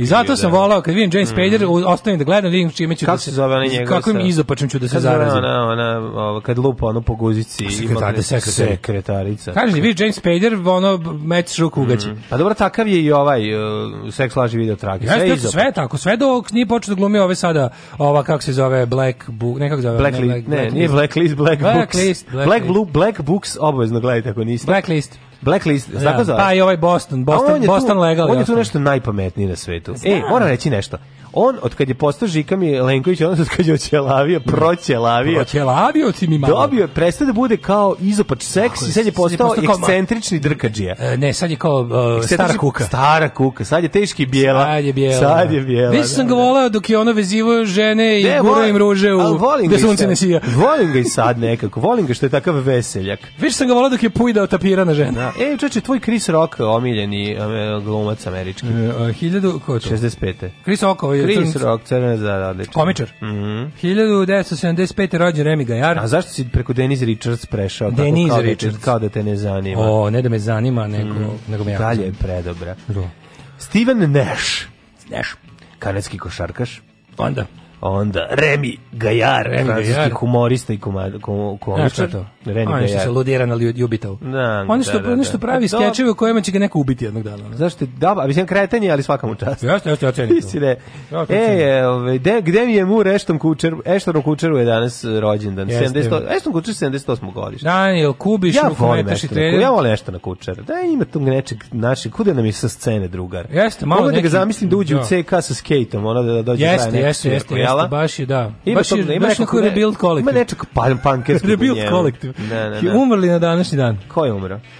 Baldasare Castiglione. Mm -hmm. Kakav porničar, majko, majko mila. Ne Baldasare Castiglione, onako. Krata kad debel. Da, baš je malone. Ja, da baš je malone. Malone. Pa, Remiđo. A, vadiš ti paljku za plivanje i počinje scena. Papa pa, Pelag je drugi, da, da, da. Pazi, sve porničari. Boleslav drugi, Boleslav je isto. Imaš jednog porničara iz 560. Bartolomeo Bandinelli. Uuu, dobro je. A pa mislim, sve je izopače. Robert od, od Clermona je isto, mislim, ono. A, kolim smo jači. Da, da. Pa Ove... Boleslav drugi, bolesni, Umro Vojvoda Češke. Mm, ja, umra nam i Vuk, Vuk nam umra. Onu cisternu sa printom Vuka, to neko zeba. Super, to pravo. Ako je pravo, ja... Ja mislim da nije, mislim, ali... Ja sam vidio ja sam svojim očima vidio dakle, Putinom. Dakle, svojim očima sam vidio cisternu da Putin. Dakle, ponavljam ponovo. E, Vuk Stefanović Karadžić i i Dositej Obradović. Najznačajnije ličnosti srpske istorije. Može Sveti Sava na trećem mestu. Ne, može nemojte, treće, može 303. Nemojte mi Svetog Savu prvo može, onda. Može 303. mesto, može. Nemojte školu i Svetog Savu, Vuka i školu, Dositeja i školu. Papa pije deveto. Super je to, imajte i Svetog Savu na kraju. Neće počasno. Uh, 1920. umru Aleksandar Kolčak, ruski admiral i predsjednik vlade Belih. Mm -hmm. uh, Panta Mihajlović. 1960. Igor Inženjer, Kurčatov. Čekaj, pionir na polju telekomunikacija. Uveo prve telefone u Beogradu. Panta, ako ti Panta, ako ne znaš lično Pantu, ne možeš da dobiš telefon. Jebi ga. Koji su pa, prvi brojevi bili u Beogradu? Jedan. Nije. Skokneš jedan. jedan. Nije četvorocifreni su bili odmah. Odmah četvorocifreni. Odmah su bili četvorocifreni. Da, prvi cifra odmah četvorocifreni. Da, to je jako. E, znači čvarko ime od četvorocifreni e, broj i dalje. 2, pa umro... 5223. Gospodin Igor Kurčatov. Mm -hmm. Sovjetski nuklearni fizičar. Ja, 79. je umro, to je zvanično proglašen Martin Josif Mengele. Čekaj, čekaj, šta je on radio Kurčatov? Zašto je bio važan? Imao element. Element ljeva. Po njemu se zove Kurčatovijom ili ti kako se zove, Kurčetovijom, Amerikanci ga ne zovu tako, nego ga zovu nje, neki da. Rutherford ili tako nešto, lupio sam sad. Mm. Ove, 1987. umre Claudio Vilja. Što se ne zove po njemu? E, Claudio Vilja čovječ piše italijanski pevač, ja znam Claudio Vilju čovjeka koji je crtao naslovne strane za Dilana Doga do tamo mm. nekog mm.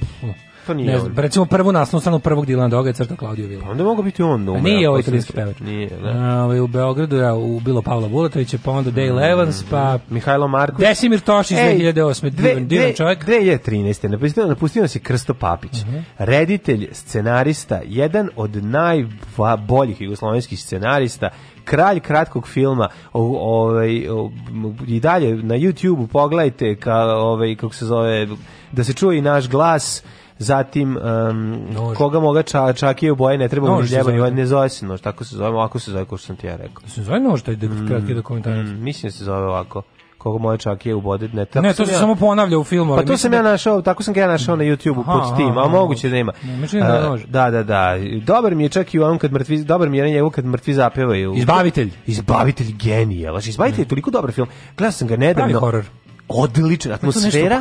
Pa jeftina atmosfera izbavitelja. Da. A, a Kafkijansko Gogoljevski. Genijalno. Ja ne znam da. kako uspio da napravi to, da se tako ništa napravi i tu atmosferu i da taj Zagreb 70-ih izgleda kao ono Zagreb 1870-ih. Kud neko ku hm. neko ne nepostojeće e, vreme. Kao neko da, ne da, da, ne, vreme, ono da. tako da ovaj vremensko da. Krsto Papić je veliki car, ali i dalje da se čuje iz naš glas najbolji ovaj, dokumentarac. o, o, o ovim, kako se zove, radioamaterima. On je zapravo, da, on je znači- prvo bio, prvo mjesto dokumentarista. Pa dokumentarista, mm. I, onaj, I onaj dokumentarac o odlascima naših iz 70-ih godina u Australiju na neviđene brakove.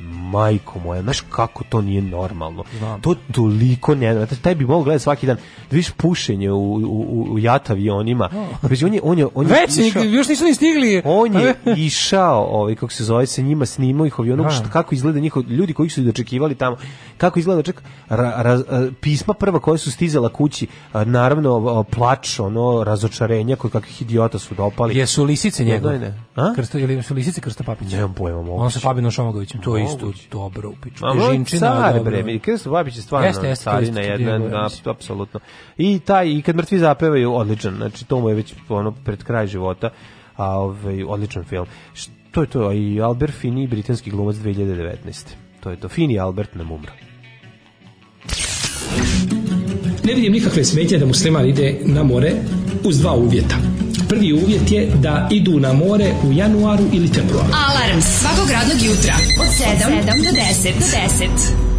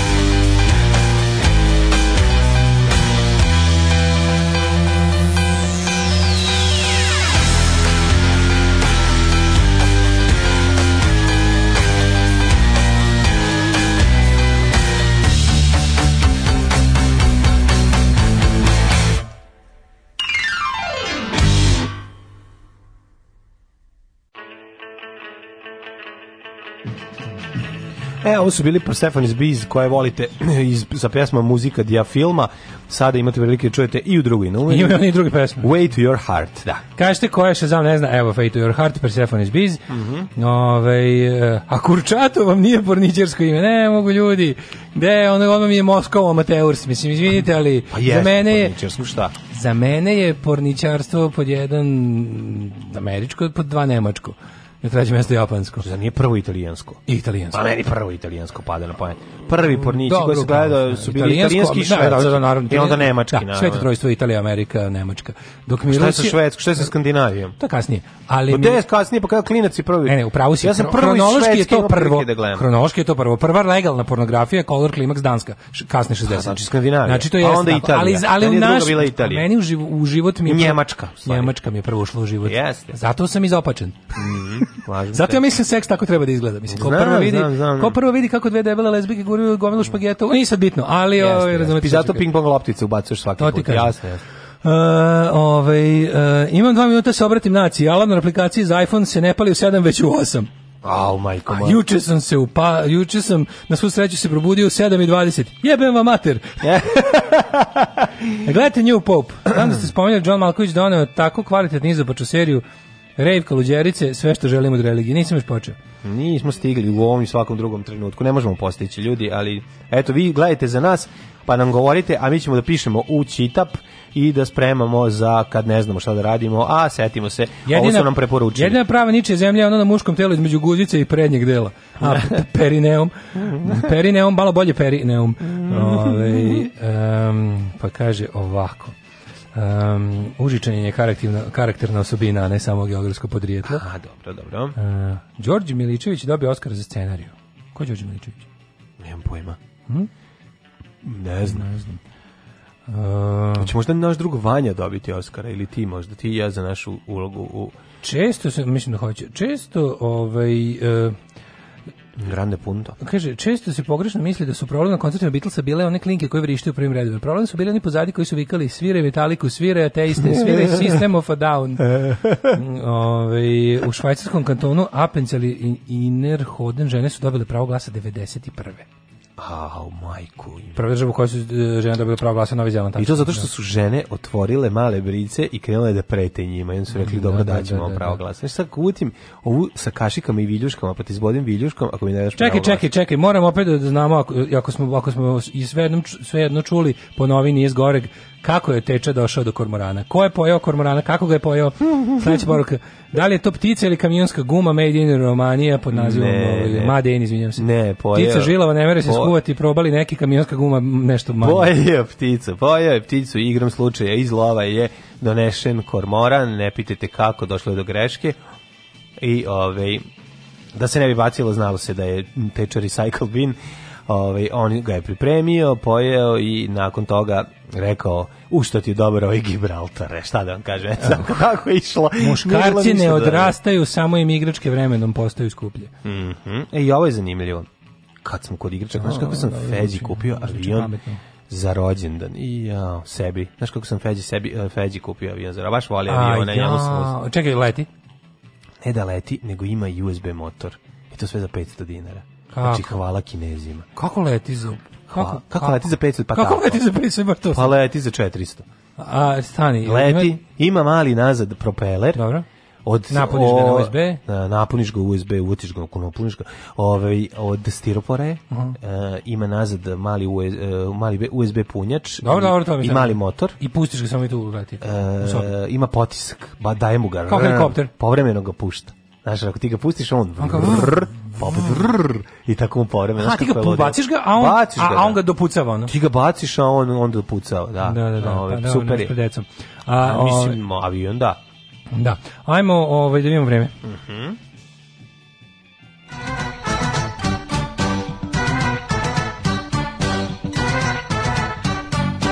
Da li ću ja danas popodne ići to da kupim, naravno. Pa, ovaj, na, pi, na pijaci. Na pijaci. Ma ima kod Kineza. Pa, na pijaci. Znači, nije kod Kineza. Kupio sam na tezgi na pijaci, nisam nigde to video. Da. A, ovaj, to sam uzeo za rođena njemu, čekat će još, nije ga još dobio. Ja sam ga video kakav je, pošto mi čovjek pokazivao na pijaci. Kako radi, kako sam baca. ga kupio. Da, da, da. Čovjek na pijaci baca, nisam ga prijavio. A, ove, ovaj, dva stepena u Subotici, Sombor 2, Novi Sad, Zrenjanin 0 i Kikinda, Krompir, Banjski Karlovac Kepan, Loznica, vrlo dobar 4, Mitrovica i Sedi 1, Valjevo 3, Beograd 2, Kragovec 2, Smerska palanka A1 i veliko gradište A1 jedinica. E, svuda je pretežno oblačno ili pre, e, osim u Smederskoj palanci i u ovaj velikom ne, u velikom gradištu je oblačno, a pretežno vedro u Smederskoj palanci. Crni vrh minus 5, Negotin 4, Zlatibor i Sjenica minus 4, Požega minus 1, Kraljevo 2, Koponik minus 9, mm -hmm. Kušumlija minus 2, Kruševac 2, Ćuprija, Niš, Leskovac 1, Zaječar 1, Dimitrovgrad minus 2 i Vranje minus 4. Uh, oblačno je nad Srbijom, će biti neka kiša danas, nemamo pojma, za vikend šta znači, kažu. E, za vikend je loše, subota 6, e, nedelja 10 i to sunce. E, Tako da nije loše. A pazi, ovako. ponedeljak 14. Znači, opet će, ako se sad ne pojavi fucking kukurek i ne vidim ga, ne znam kada će.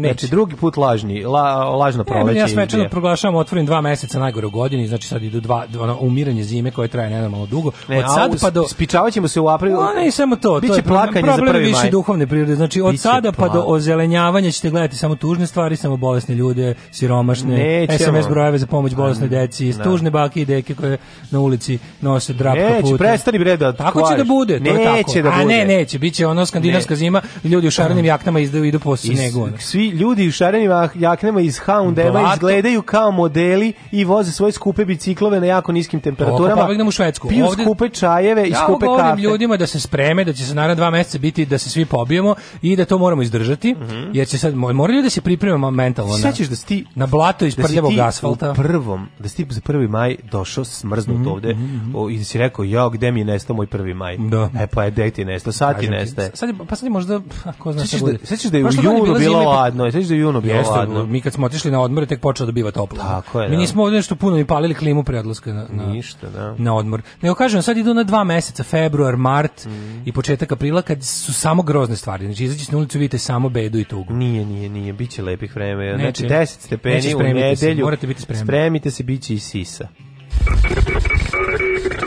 uvijek i bude sramota. Fuj, džubrad jedna bezobrzna politička.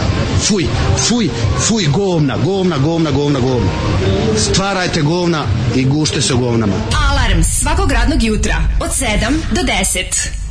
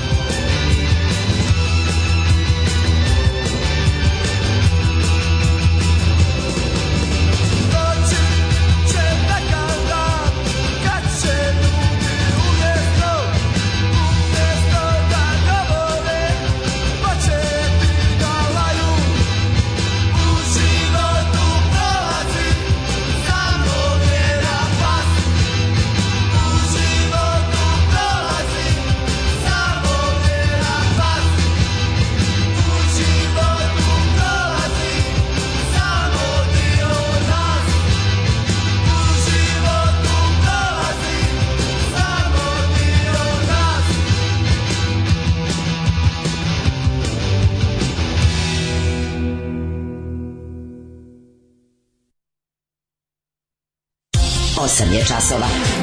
Radio Daško i Mlađa. Prvi program.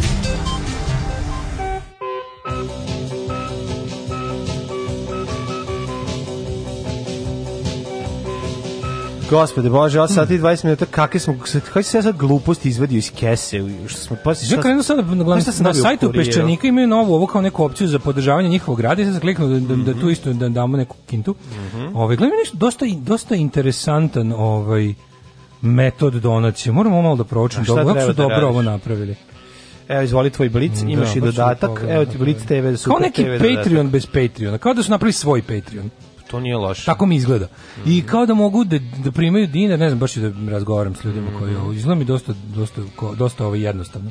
Dobro. Pogledati ću. Viš, ode čovek, viš kako to dobro. Kad ode čovek s dobrom namerom da pomogne rad svojih kolega, pa solidarno, se, onih, se vrati, onih neko. Da, da. kod kojih ove, ovaj, zaista puno saznaje, čita, informiše Kaj. Da. se, uvijek sazna nešto novo i može posle primiti na sebe da i njemu Vratiti bude bolje. se nazad da ti bude bolje. Dobro se dobrim vraća, to se sad tako zove, e, Daško. Može tako se kaže. raspad Đilasovog saveza, raspad, evo uspio gotovo. se. E, ej, Kako? Draža mi je nova metodologija za EU.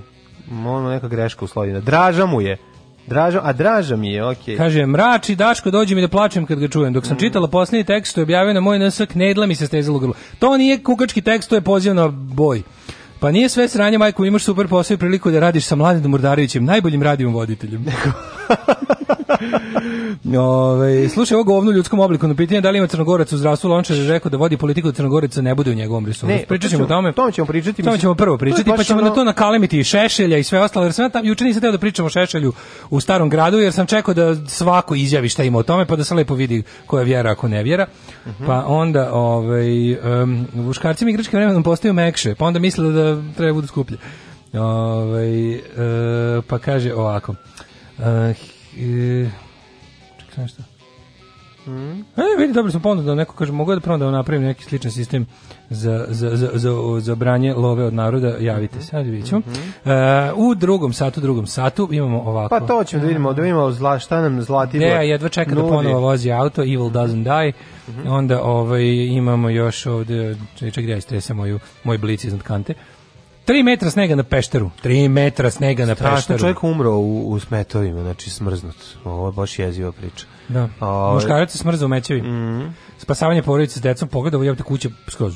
Skroz zatrpana. kuća, da. da. Znak da. za, saobraćeni znak se ne vidi ceo saobraćajni znak je u snegu. Da, no, ne znam, meni tako nekako kad zamislim tako, takvu zimu odmah mi u glavi onaj Ljuba Tadić, onaj film čovjek koji je pojao Vuka ili da. kako se zove. Ove, i, i zamišljam čovječ, kako to izgleda kad ti tako zatrpana kući? Šta je ono sve što ti treba da imaš u kući? sve drugi Pa ne, nego šta bi ti sve trebao da imaš u kući? Kad te zatrpa, pa sada ne postoji šansa da se otrpaš. Uh, da Treba za početak da imaš vrata koje se otvaraju na unutra. Da. I onda ih otvoriš i da kopaš. I si ubaciš nego kuću. Pa ne možeš da ubaciš u kuću. Ne, je, u tom da. trenutku ti važnije da izađeš nego da će ti biti bez nego kuće. Da. Znači, možeš da imaš vrata koji... Možeš se ugušiti u kući ako je skroz zatvor. Naravno da hoćeš. Mislim, ako je skroz zatvor, može se hermon, malta ne hermetički zatvori. Da. Mislim, osim ako ne možeš... Možeš da ko... Možeš pa, da- realno, ako imaš odžak, nećeš se ugušiti. Ako ga otvoriš klapnu onu ili nešto, ne pojma, nešto uradiš.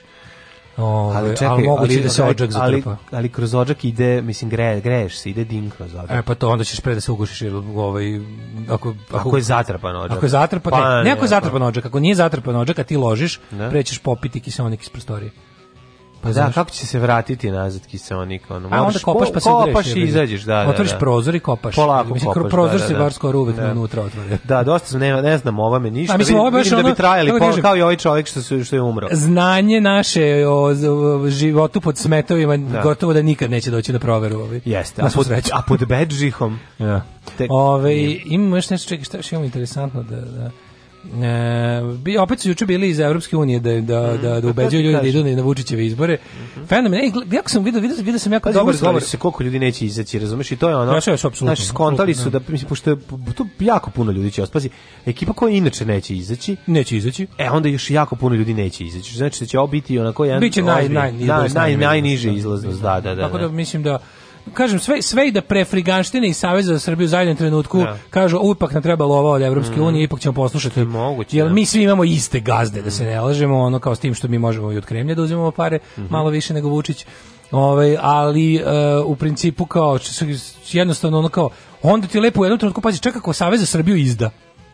I u zadnjem momentu kaže, a, kao, trebaju nam pare od stranih donatora i od naših, ono, ovaj, onda lepo bar ti je jedna stvar kristalno jasna, a to je da ti je tvoj klasni neprijatelj celokupna politička klasa u Srbiji i da je onda kao bojkot jednostavno ono stvar u tom trenutku neorganizovanog naroda.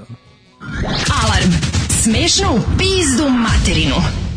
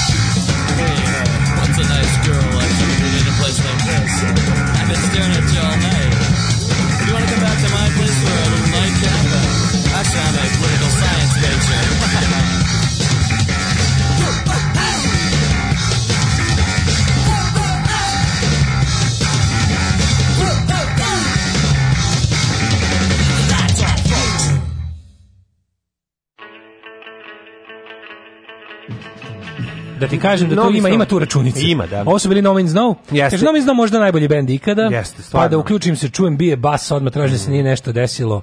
Koji, iseko ste me. Ova stvar je Big Dick od No Man's Snow. Tako, sa, sva Remek Delo Wrong. Kao No Man's Snow vam je ovo, nije kao nego jeste. Mm -hmm. Ove, ovaj, Hrvati trenutno u političkoj sceni nemaju ni jednog političara iz 90-ih, a mi kako smo? Mi smo... Mi nemamo ni jednog koji ni iz 90-ih. Ljudi, ne može tako se priča. Mora se pričati da u Hrvatskoj isto kao i ovde. Da. Znate, to je naša zvanična mantra. Da, u e- Hrvatskoj ljudi, verovali ne političari i odgovaraju mogu da idu u zatvor, a kod nas ne. I to je suština, to je sva Pošto razlika. izbore koji funkcionišu. To, pa zato to je sva razlika. I to je ono što mi Nije, ne možemo. Mlađe, sve je isto i svi su isti. Da. Isto je u Evropskoj uniji, van mm. Evropske unije, ne znaš ti. I tamo je teško. Jeste, isto je govno i čokolada. Znaš, i tamo je teško. Ja znam jednog mog druga koji je išao iz Finske u, u mm. Francusku i, tamo i čekao je na drugu. Da, čekao je u dva sata Razumeš zbog magle. Eto, I šta kao sad, kao nas i gore. A mi žurimo u tu Evropsku uniju. Da, da, da. I slično. Jeste, to ovaj- taj ono, ja, taj taj pesimizam, evroskepticizam ruski nihilizam. Ruski nihilizam. To je ruski nihilizam. Da. E, ruski nihilizam. To je sve sranje i bolje te zabave domaći nego strani. Da. A, ovaj... A to je meni nekako i ne znam kako to da objasnim. To je jedan vrsta moćnog portirizma. To je ono, to je... ali je i Limited nekako, Education Company. Ali je nekako i srećni ljudizam. Ne znam kako da objasnim. Znaš, to, to, mi je... A to, ti, to je definicija nihilizma. Znači, nikad, da. nikad bolje, nikad biti neće. Svet se ne može ne promeniti, nego ne može se ni razumeti to je ono kao tipa pa ništa ne da valja, ne, ali ne možeš položi oružje, ne možeš uživati. Uživanje je nenormalno. Da. Uživanje je nenormalno, čovek je rođen da se muči, tegli i vuci u jarmu skapaju. Kapaj, da. To je to. Golje. To je to je ruski moto, ne razumeš, da, tako, da, da. tako živeti. Ono. Tipa, ono, čovek je e, teški hajvan a mu šetan da malo duše da, bude da, teže. Moram ti reći, ovo... sve protiv čega sam u životu otprilike, sve protiv čega sam. Sve za čega Ljudi koji sam... samo znaju da ono, je, znači, ovaj album No Means No, znači Wrong ljudi, pa to je toliko dobar album. To je svaki svaki, svaki ton, ton na mestu. Svaki ton na mestu sve je genijalno. Znači apsolutno ja, da, od znao početka do kraja. Ja kad sam to čuo bio sam u zonu jebote šta je ovo? Mm. Šta mi se sad desilo? Kakva muzika? Šta je ovo? Ostalo mi je u mm. top 10 najboljih albuma svih vremena. Ne mogu da ga ne, ne nikad ga neću izbaciti. To bi mogu si nabaviti na ploči pa da gruva. Kako treba spočet. Ja mislim da nemam. E, ja imam, imam jedno 3-4, ali taj nemam. Sad u zadnjem putu kad sam bio u Njemačkoj, mislim da ga nisam kupio, tako da nemam. nemam. O, a nešto sam ga gledao. E, znaš kako nabavio? Ajde, ako znaš, vidim. Na diskoksu ću ti naći sigurno za neku, ne znam, pa, za neku ajde, super normalnu cenu. Pa hajde kupi ga, naručiš sebi, naruči meni i odmah ja ti dam pare. Mislim, da, rekao sam ti kad kupi... To ćemo sve na jecu, beču i Bog da nas vidi. Vidi, sve ploče koje znaš da ja nemam, a ti ne. Da. sebi naručiš, naruči dva komada, isto ti. Pa ne, ali to su obično, to nisu nove, to su, znaš, kad neko ima... Dobro, ako ima dva, ima dva daj, no uzmi, mislim. Da, da, da one Betown Boys sam našao čoveče mint condition za da. 10 dola, 10 evra, ono to je super. To je Date with Date, da, da, drugi, drugi. Da, da, da. Teo sam da stavim jednu pesmu, njih, ali su dva minuta. A ne može, se nego dve, dva, dva su kad su duže. Pa sam zato stavio Last and Found koja je 2.19. Crkva da Bog da. Ne, ne, kako me da. nerviraš, ne mogu, ne stignem usta da okvasim, ono. Da, usta ti se ovaj, okvasilo, da Bog da. Da, da, pa lako tebi kad ti ne ispeniš na usta. Pa ne ispenim, ali... Kako ti ne poludiš kad vidiš, recimo, Zlatibora Lončara? Ne, poludim, izvini, ali to mene jednako nervira kao i tebe. Što što ja, da. to, to što ja sad možda to ne emitujem na isti način u sebi, pa ću oboleti ranije. Da, ti dobiti rak debelog creva. Pa nemoj da taj, daj, nemoj da im rak, daj da umre od srca. I onda ćete lečiti zlati bolončka. I onda pa ne ako taložiš. Ne, ja ću da umrem od srca od loženja. Pa ja taložim posle da. iskenjam, tako da, da nemoj izbacujem ja to i se a i uzimam ovaj srce plane kad kad ovako uzimam. Onda pravo onda srce odi. Tako je, ne, A kad gutaš, gutaš, gutaš, onda ti se za nakupi cev. Ali ako uzmeš maslinovog ulja extra virgin, izbaciš govnišku sa sve ovaj celofanom. Tako da izađe rak na tu stranu. A, šta sam te da ti kažem? jako sam se iznervirao kad sam taj video, ovaj video i čuo. Kad si video znači, video. Da, mislim ja generalno na Mladine, pojavu je... Zlatibora Lončara reagujem ono strašnom, ono osipom. Znaš šta je tu problem? A s druge strane strašno je jer kad znaš da reaguješ osipom, možeš da se nađeš kod njega na ovaj operacionom stolu. Ja, je, da to, to, to, mi, smo, mi smo u jednoj vrsti do dvostrukog obruča. Da, da. da ti jednostavno ne smeš, onda kada ti ministar zdravlja iznervira, ne smeš da dopustiš da te iznervira, jer ćeš dopasti u resor ministra zdravlja. A ministar zdravlja koji, mislim, ne da ne bi trebalo da bude blizu zdravlja, nego ukoliko se dokaže... To što on izjavio. One osnovane sumnje koje postoje za njega, koliko se dokaže, mislim, znaš, ono, on bi trebao da bude, mislim, on, on zaista ne bi trebalo da bude na slobodi. Znači, sad mi naravno nemamo dokaze za to, ovaj postoje pa, postoje indicije, da postoje, da bude... postoje jako puno. Znaš, ali onda nakon svega toga, ono čovjek koji je pre toga imao one čuvene izjave da ono pojedini ministri su izdajnici, sad to nije dosta izgledalo, on je sad dobio neku instrukciju da ovo radi, mislim, ovo je sada... Ako ja ne verujem, Zlate Brloča čak nije ni do, bio... dopao na prednjacima kao rezultat razvoda od radikala. Pa ja mislim da je on novi, da. nešto. Ne znam odakle je stigao. Ne Čini mi se da im nije, da nije bio radikal. Ja mislim da Zlate Lončar nije bio radikal kad su bili zajedno. Čekaj, I sad, čekaj, pazi, taj čovjek... Čekaj, čekaj, čitao si, pomislim, daj ne zaboravimo, one, ono, on je čovjek sa, ono, koji ima fotografije sa zemljskim klanom, mislim, za da, koga da, on se... je mafija doktor. Tvrdi, za koga se... On je, on je mafija doktor. Ko postoji sumnje, naravno, koje nisu da. dokazane, ali da je imao vezu sa sa zemunskim klanom. Znači ono mi mi zaista imamo ozbiljan problem, ove, ovaj, zato što e, ono opet pa se da, vraćamo na priču svoj, vezanu na, na za Hrvatsku, u Hrvatskoj jel da se političari menjaju i, i pojedini odgovaraju za no, nešto. Sad čovjek pop, do, da, dobije, dobije ono otkaz, nije više mi mora pa da se ostavku zbog petljenja sa imovinskom kartom. Sad je to glavna stvar zadnjih nekoliko nedelju u Hrvatskoj imovinske karte. Znaš ti koliko no. mi svetlosni godine daleko od toga da neko fasuje zbog lošeg prijavljivanja imovine, zbog lažnog prijavljivanja imovine. Ja ti kažem, mlade, da ali stvarno ovo mislim. Ja stvarno mislim da recimo neko koga Vučić voli, neko ko je Vučić od poverenja, neko ko, da ko je Vučić važno, da taj može taj mo, uživo to da izve pištolj da ubije ne, da. nekog od novinara. Ne, ne, ali ja sam siguran da bi to prošlo. Siguran sam da bi to prošlo. Što je bilo afekt, vi šta ga je pitao? Da. Ste vi čuli šta je njega pitao? Jel vi znate šta? Znači ja sam siguran, znači već smo već smo stigli od toga da neko ko, ko je Vučić blizak izvedi kaže da, da da postoji ne znam ono iznervirao se čovjek, pogodila ga pesma. Razumeš, da, da, da. bilo bi te, oni su prešli smo preko toga da oni sami mogu sebe da u da sebi nešto uskrate. Znači ne da. postoji više ni jedna stvar koja će njih da, da će oni biti korektiv sebi. To ne postoji više ništa, ništa na svetu. Da. Razumeš, nema jednostavno sve će prvo negirati dok ne poludimo sve će negirati dok ne poludimo, onda će da nas prave blesavim, pa će Vučić da kaže da je od uvek tvrdio ono što to tvrdi tog trenutka ne. i na kraju će to jednostavno se zaboravi a sudski e, tužilaštvo i sud će da ne reaguju i to je jednostavno tako. Znači prešli su granicu kada na bilo koji način više ne možemo ništa očekivati. Šta god oni urade da će oni sami da iz svojih redova da će doći da će doći ideja za za za odgovornošću i ne da bože kaznu. Ne, pazi kazna se sastoji u tome da će ono biti u limbu dva meseca i da će onda avazovati na bolje na bolju poziciju, bolje plaćenu i odgovorniju. Juče ovaj znači, juče ovako sede u emisiji ali i ovaj kaže crnogorska i ovaj kaže, da. U Crnogorci su to, mi mi imamo ovde, a znači to je ona, a mlađe to je par excellence nacistička retorika, tako samo što nije jevreji nego crnogorci. Tako, tako. Znači imamo te crnogorce tu kao sivu eminenciju koje te ljubitelje novca, samo što ne kažemo kukastih noseva koji vode ne, ljubav s da, novčanicama da, da. i kontrolišu naše srpsko a, društvo da. iz pozadine. Da. Znači ono kao pare se sa pacovima i goli igraju i goli preskaču oltar u hramu Svetog Save da, noću. Ono. Da. Razumeš, to je ono kao, i ne znaju srpski. A inče su bubešvabe. A, da, da, da, mogu se pretvoriti se u Ne znaju, nisu naučili srpski. Nisu naučili srpski, šta to znači? Pa šta, ono, to, to, šta to znači? Sad ću ti objasniti. crnogorskim akcentom. Ne, sad ću ti pa- pa naravno, to je to. A drugo, pa to je fašistička dvomisa ovde, tipa, kao, uh, Mi nemamo, mi Hrvati, Crnogorci, mi da. nemamo Bosanci, mi nemamo zajednički jezik. To su različiti jezici. Samo što su oni svi u principu srpski, srpski ali oni to neće da priznaju. Da, da, da, to je da. ta ono, razumeš, da, mhm. ti bukvalno dvo, ono to je klasična dom, dvomisao. No. Ti razumeš, on kažeš jedno, misli ono u isto ne tvrdiš dve suprotne stvari. No, no. I dokle god svi na, na svetu ne budu svoj jezik zvali srpski, mi ćemo tvrditi da to nisu isti jezici. Da. Razumeš to? Iako je isto vreme ćemo znati ćemo da to jeste naš jezik. Dokle god neko da, priča, da. nema titla ispod, znači da ga razumeš ono. Da. Mislim Dobro pokušano da se to spreči time što su stavljali titlove na srpski jezik u na srpske filmove u Hrvatskoj. Pa propalo, pa, mislim, pa je bilo taj stepen ludila nije mogao da izdrži čak ni ono. Probaju, probaju. Najveći domoljub nije mogao pa da izdrži. Pa proba se gde se proba. Sve se proba, to je to je najbolje što se sve proba. Ko Žaba se uvek kuva. Znao, ovo ne može da se proba. Mislim, e, ovo sa što on izjavio, mislim, on da odgovara. Ne, on nastavlja dalje, on kaže, a ovaj ga onda pita, onda ga voditelj koji isto onako mm, mislim sudjeluje. Mislim mm ne znam, možda je čak i samo teo da izbaci iz ovog najgore, pa ne znam čoveka. Ovaj, a imali ih u zdravstvu? Kao imali u valju, ste li vi bar svoj resor sačuvali od te gamadi i počasti? Na što on kaže, pa, ja se trudim da ih ne bude. Uf, ono jebote, Čekaj, mogu nešto da pitam? Idiote izvini, jedan. Izvini, izvini, ali moram sad nešto da pitam. Đubre jedan. Čekaj, čekaj, kako on može da se trudi da, da, da ne bude?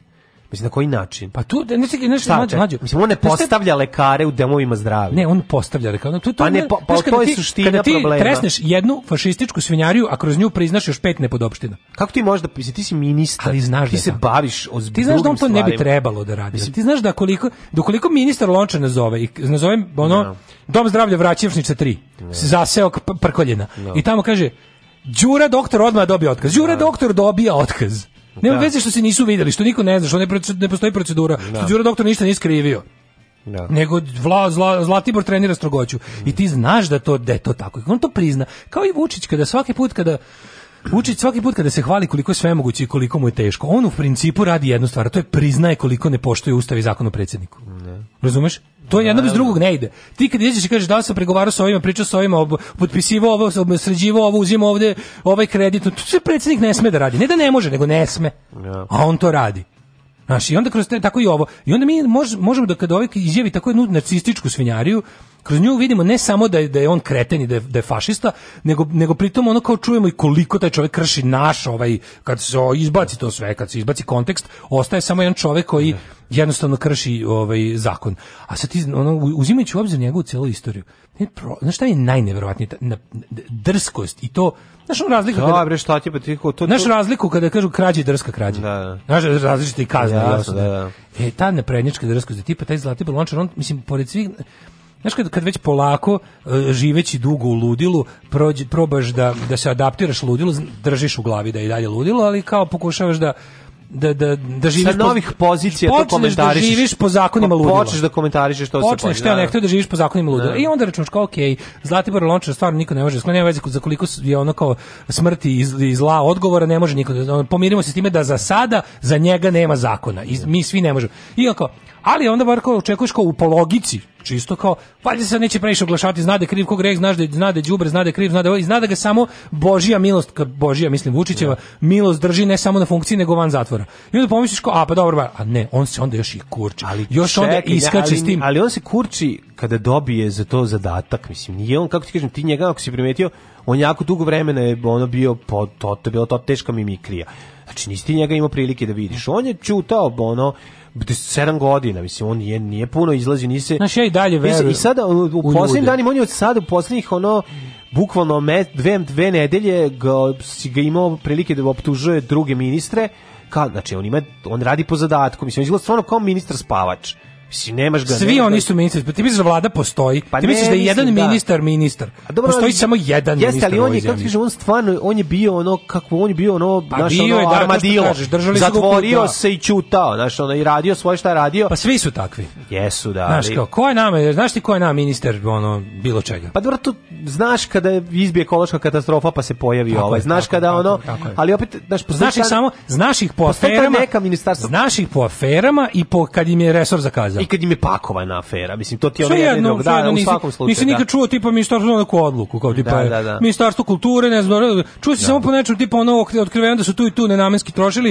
to, s ovim se po, po, podžapao, znači nemaš pojma ministarstvo kulture tipa otkupilo knjige ili Znaš, da, nešto da, da. tako, ne, to, znaš, samo da ono Vukosavljević, ministar Vendi, se popičko s nekim oko dodale sredstava za filmove, ovo mu rekla da kretina, ovo ovaj njoj da je kurva i tako, mislim, to je ono. Da, tu se zove. to znaš, a s druge strane, mislim, ali, mislim, mlađi, ja dalje ali, ovo je posebno, za, ovo, za ovog čovjeka, da. mislim, za ovog čovjeka se vezuju no, grozne stvari, Jeste, mislim, i, a ova fašistička izjava samo ono, bukvalno, kao jagoda na šlagu na torti. Mislim. Ja i dalje bo, želim da verujem u ljude. Mislim da stvarno neće, želim da verujem da neće proći ovo sejanje mržnje protiv Crnogoraca. Znači, ne. ovo je potpuno suludo je, mislim, prejedno je, providno je. Znam da smo u prošlosti, pa ali ovo je možda prva nova, sejanje mržnje prema crnogorcima mi nekako prva nova Eto, to novi pokušaj sejanja mržnje da. u doba interneta. Yes, sve ovo yes. su bili čak i mržnje, ako idemo po redom konflikta, kako no. smo da. koga mrzeli. Sve je to bilo, sad se sve nadam. Slovence, Hrvate, muslimane. Sad se sve nadam, ovo je prva mržnja koju nam nacionalisti seju sa internetom. Da. Sad, internet može da posluži i, i kao katalizator da bude veća mržnja, ali se sve nešto mislim, čak i ovi nedavači svetenje ovi litijaši, ovi svi, valjda će, valjda, znaš, čini mi se da i od njih dolazi, da, da i njima bilo u fazonu kao Zlatibor, ono kretenu jedan Znaš, kao, no, to mi mislimo i ja bih ovde tako isto. Mislim, ja neću, želim da verujem da. da među tim šetačima i jedavačima svetinja ima ljudi koji su, eto, možda ne znam kako da objasnim, nisu baš svi, možno, to, mislim, moram da verujem u to, ono, a opet, dobro, i oni sami po sebi jesu manjina. A dobro, realno, da Ali mi se čini da može... da posle ovakve izjave stvarno možda bi samo osud. Ali realno ne može se živi od Crnogoraca, pod pritiska Crnogoraca u Srbiji, mislim, ti viš da. koliko je to strašno. Ne. Da. To je jako, tiš, gde god se okreneš. Znači, a znaš koja uvek, znaš koja uvek prati, kao, kako, kako ide nacionalistička ta, ta priča, šta, šta je sledeće? Oni ali, se drže zajedno zajedno. Ali moraš im morati priznati, oni se drži zajedno. Drži A mi, da, da. mi da. smo najveće govno. Hoćete li sokova? Mm, e, kolicom bez sokova. Alarm sa mlađom i Daškom.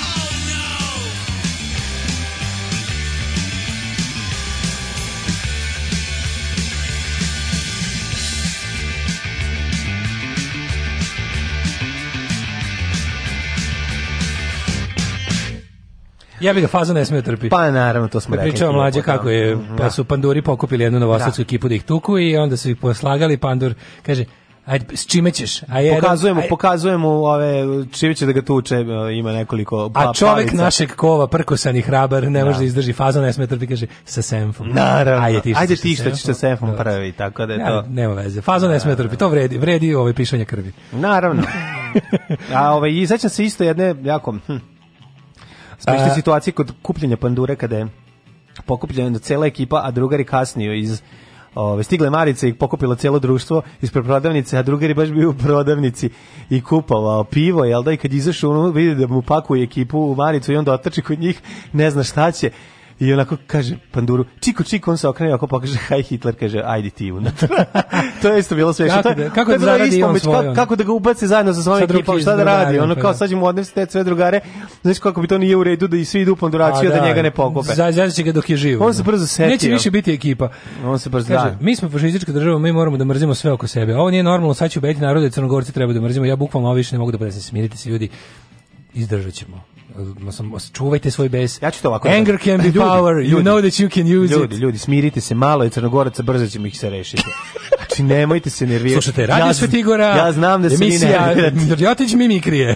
uh, kaže, Vid, ovo, je, ovo je rat koji možemo da dobijemo. Ne protiv Crne Gore, nego protiv Crnogoraca u Srbiji, jer ih je, je malo. Tako je. Sve smo izgubili, ljudi. Razvališe nas u Sloveniji, da. napuriše nam dupe šimikama u Hrvatskoj, razgužiše nas u Bosni. O, odemo Kosovo. O, izgubili smo Kosovo. Ali, ali Crnogorci u Srbiji možemo da dobijemo. Možemo da dobijemo. Lovčenac će biti naš. Tako je, znači ima da vide šta je. Znači neće se to ovako završiti završiti. Sad imamo snage ali to sve ćemo naravno napraviti tako sad Crna Gora nete se kačimo ona je u NATO NATO i tamo će nas razvaliti tako ne ne da ne ne Crna Gora samo ne, ne samo Crnogorci u Crnogorci u Crnoj Gori ne ne Crnogorci u Srbiji Crnogorci u Srbiji naravno to što nam je sigurno mnogo gledam ja popis mi moramo one koji leže u jarku doletimo da, da šutnemo gledam ja popis to ćemo lako kad neko pijan padne mi treba da dođemo da ga opljačkamo. To, to je jedina, to, to je sigurica. Ti, paži, to, znači maroderstvo. Ima ih malo, znači to je prva A, pa, jedna da. navijačka grupa, recimo ne. Heroes i, i, i Srbi.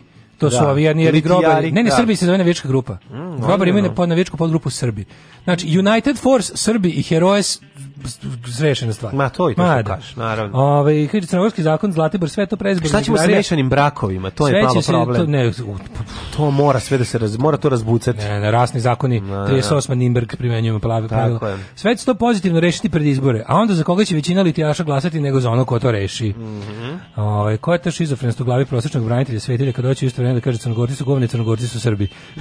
pa to je ono što malo prepričali. Mm -hmm. Mi se svi ne razumemo, pričate drugim jezikom, osim ako ne priznate da to sve srpski. Mađarski. Ove, mene bi više iznenadilo da neko iz vlade kaže ljudi čekajte, ajde da vidimo šta možemo da uradimo da malo se smirimo, da smirimo strasti. Taj bi istog momenta bio pravodošen za istenika Milovog saradnika, bio bi nagužen, razgužen na Pinku i Studiju B, a sve će ovo proći nakon Uskrsa. Čim prođe zimsko pravoslavlje i dođe vreme za planiranje godišnjih odmora, sve će to sigurno po tepih i da Bići se... Ponovno... Pa dobro, imaš nekako baš lepo vreme Uskrsa su izbori da, i odeše svi da sunčaju do peta, onda a ti su... stari beograđani na Vlaški maže topi salu u gradskom Biće, na plus 50. Kad su i noću tople stene, Montenegro zove tebe, zove mene, sve će se zaboraviti, ide se na more, ali će onda da se hejtuje Hrvatska jer kreće peti, jer kreće ne, da, avgust. Ne, da, ide tradicionalni 5. avgust. Tako je, znači tako da Kalendar mržnje je ovaj stalan. Kalendar mržnje, crkveni kalendar, kalendar mržnje. Crkveni kalendar mržnje, mislim, no. Da. preliva se kod nas i ono... A sve to duhovni, naravno. Jeste da se čita iz ovog, da, iz crk, crkvenog, ali se preliva i na ovaj... Ne mora crkveni, nek zove samo kalendar mržnje. Kalendar mržnje nema veze koja. E, aj, što bi mogli da napravimo? Da, da, da. Kalendar mržnje za Srbiju, za Srbiju, da. Kalendar mržnje da, koji važi za Srbiju. A znači, važi za Srbiju državi Srbiji važi manje više svake godine. Mm -hmm. I kao, A ćemo i za Hrvatsku. Znaš, knjiga Večiti Vidi, kalendar. Mi uvek, pošto mi smo ljudi koji razmišljamo ovaj, tržišno, a tržište nam je čitava prostor bivše Jugoslavije, da treba da na primjer za Hrvatsku i za Bosnu i za i za Kosovo. Je, Možeš lako, lako, znaš. Napravićemo večiti kalendar mržnje da. koji važi za državu Srbiju. Zato što se poklapaju datumi samo obrneš ono što će pisati ispod njega. Sataš ti ne, napraviš Ima, ima, ima kad ti napraviš za a čekaj, pa to ti kažem. Uglavnom se poklapaju datumi mi mrzimo njih na pet, on ne, da, da, ima. Nek tamo naprave za svoju, svako za svoju, ja kažem, mi pravimo, mi pravimo šta, šta dužimo mi. Dobro, i to što Znaš, kažeš. Aj, mislim. Dobro, ja sam sad želeo da zaradimo pare, ali okej, okay, zaboravim. Ali ja onda napravimo sve jugoslovenski kalendar, pa, možda, da. možda mi ipak pa, jugoslovenski jutarnji program. A to ti kažem za svaku državu.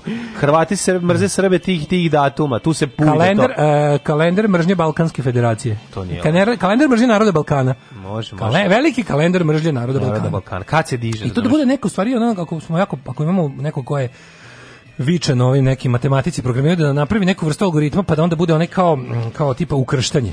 Pa Razumeš? Da, pa to da, da, u jednom grafikonu vidiš sve. Gde da se poklapa? Da, da, gde se poklapa, gde su presjeci. Da, to je, da, da, da. To je super. Ove, ja sam za svačim izazvane pravedne sankcije. Samo to rešava. Mm. Ove, sankcije su da, pravedne. Bombard je, na primjer, malo preterano. Mm -hmm. Sankcije su pravedne. Mm -hmm. Da li velečasni hočar može čestiti Jovani, klanjateljki Krista kralja rođendan?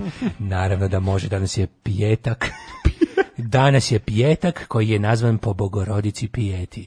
A ja vas sve ljubim, naravno, ljubim vas kršćanski, ne razvratno, ne... Planktonski. Planktonski, po, ljubim mladu Jovanu, klanjateljku, klanjateljku, Krista kralja i e, pozdravljam je u Kristu njenčika Stanko. E, da li može kalendar mržnja da dobi ime Mrzolender? Može. Hate date! Kate e, Date. E, to neko ne krade za tamo englesko govorno područje. Mm -hmm. Evo, nismo mi halovi. Imaju oni svoje. Nismo mi halovi. Mm. Ove, e, šta sam ti još teo kasti? Pa možemo došla Evropa da nam kaže, izaći e, da. na izbore. Jako dobra bila Ceca iz Došla Evropa da kaže, to vam je što vam je. Ceca iz Peščanika bila jako dobra i poštena. Rekla ovako, slušajte, kaže, Ovaj na onoj tribini, ovaj nije filozofski čudati na kojoj bi trebalo ti ja da sledećem mhm. izdanju, sledećem poluvremenu nastupimo i još ćemo vam javiti kad tačno i ko još će biti sa nama na filozofskom fakultetu u Beogradu. skoro smo se sve dogovorili, samo još da, da ne bude ovaj, trčanje pred rudu. Uh mhm. -huh. na jednoj tih tribine je bila jedna od ceca iz Peščanika gostovala, gostovala i ovaj... Samo da nas neko pokupi na prvokopu i to. Rekla je nešto tako pametno, vidite. A da se ne lažemo kao ovaj, ceo taj, taj nevladin, provladin sektor, odnosno ne čak ni ove klasične na prednjačke nevladine organizacije koje su formirane u okviru srpske napred, nego stare nevladine organizacije koje rade ono što im donatori iz Evrope kažu. Sad su im donatori iz Evrope rekli da je odjednom da su izbori super. I ti vidiš da ceo kupan taj ono od Juhora preko ono svi su oni mislim i LDP-ovi da puleni svi ti svi su oni u fazonu uh, uh, neostrašćenosti i demokratskog procesa i svi su manje više znaš da svo, sve to na šta Vučić računa da će biti izlaznici na izbore, to je taj ovaj um, kako da kažem ovaj upodobljeni i i ovaj zauzdani nevladin sektor koji postoji ovdje već jako dugo.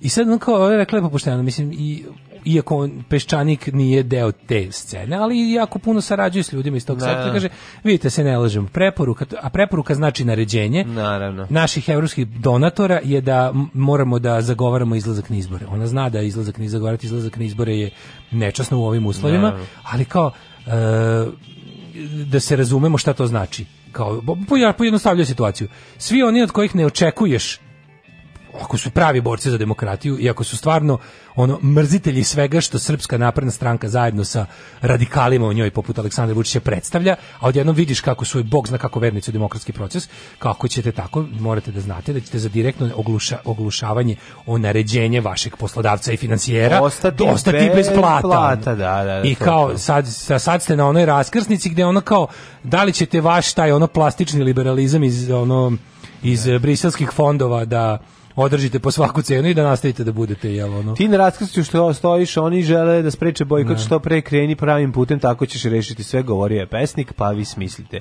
Znaš, tako da ovi to je bilo dosta oko pošteno, neki ne, neki ovi ovi desni delovi pozicije su bili onako evo kao otvoreno ne priznala ko su oni šta su. Prvo Ceca nije uopšte rekla da ona to, da je ona naravno. sma, ona rekla da da joj je jasno, ona sam rekla šta je simptom. Naravno. Mm, šta je simptom i šta je posledica. Da joj je jasno šta se dešava. Znači zašto zašto ne vladni sektor koji je prvi da, da, da da skače se ljudska prava, suočanje s prošlošću i ostalo, zašto su sada tihi ili su u, na, u gorem slučaju podržavači izbora i iz njihovog tabora stalno dolazi ti kao pomirljivi tonovi, ali ne što se tiče onog gde treba, nego pomirljivi tonovi ti u fazonu izađite na Vučićeve izbore i omogućite mu legitimnih tako još četiri godine. Tako, tako znači, omogućite mu legitimnih Zato... četiri godine da završi, mislim, razumem ja šta oni, da. oni treba da obezbede Vučiću odrečene ruke legitimitetom, da, da završi ono što da, jeste da, njihov cilj zajedno sa sa kao ljudima koji za to plaćaju iz iz ovaj iz, iz ono međunarodno međunarodne zajednice.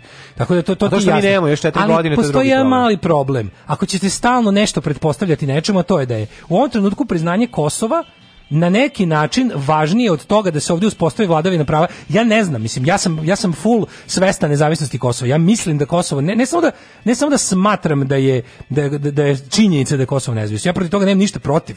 Šta više ono kao smatra da, da, Srbija, da Srbija to treba što pre da ne da kao ne da prizna, nego da, da jednostavno to je Mislim, mi to jesmo priznali, nego treba da uzvaniči to u smislu da to ne bude više da da da okončamo kolektivno ludilo, kolektivnu halucinaciju, razumeš? Da okončamo kolektivno, da okončamo kolektivnu halucinaciju, to je super. Ali ali kao cena da se to desi, da Aleksandar Vučić zaista isporuči ono što je obećao, oni su njemu za uzvrat dali odrešene ruke da nas ovde proganja, maltretira, zatire, tuče, pljačka, pravi nam pakao života, laže, isteruje iz ove zemlje, pa izvini, mislim, ono, ja ipak ono kako god smatram da Kosovo zaslužuje da bude nezavisno zbog onog šta smo mu sve radili, ipak malo više želim da ovde bude uređena zemlja. Mislim, na kraju krajeva, e, Kosovo koje bi Srbija priznala ovakva banditska, ovakva banditska Srbija u kojoj ne važi zakon, to d, e, e, priznanja takve države i ugovori takve države ne vredi pišljivo boba. Ako bi Srbija bila u isto vrijeme, ako bi se radilo na tome da Srbija postane zemlja vladavine prava, onda bi njeni međunarodne obaveze imale neku težinu. Živio nas mladen, naš komandant! Živio! Čekajte drugo. Alarm sa mlađom i Daškom.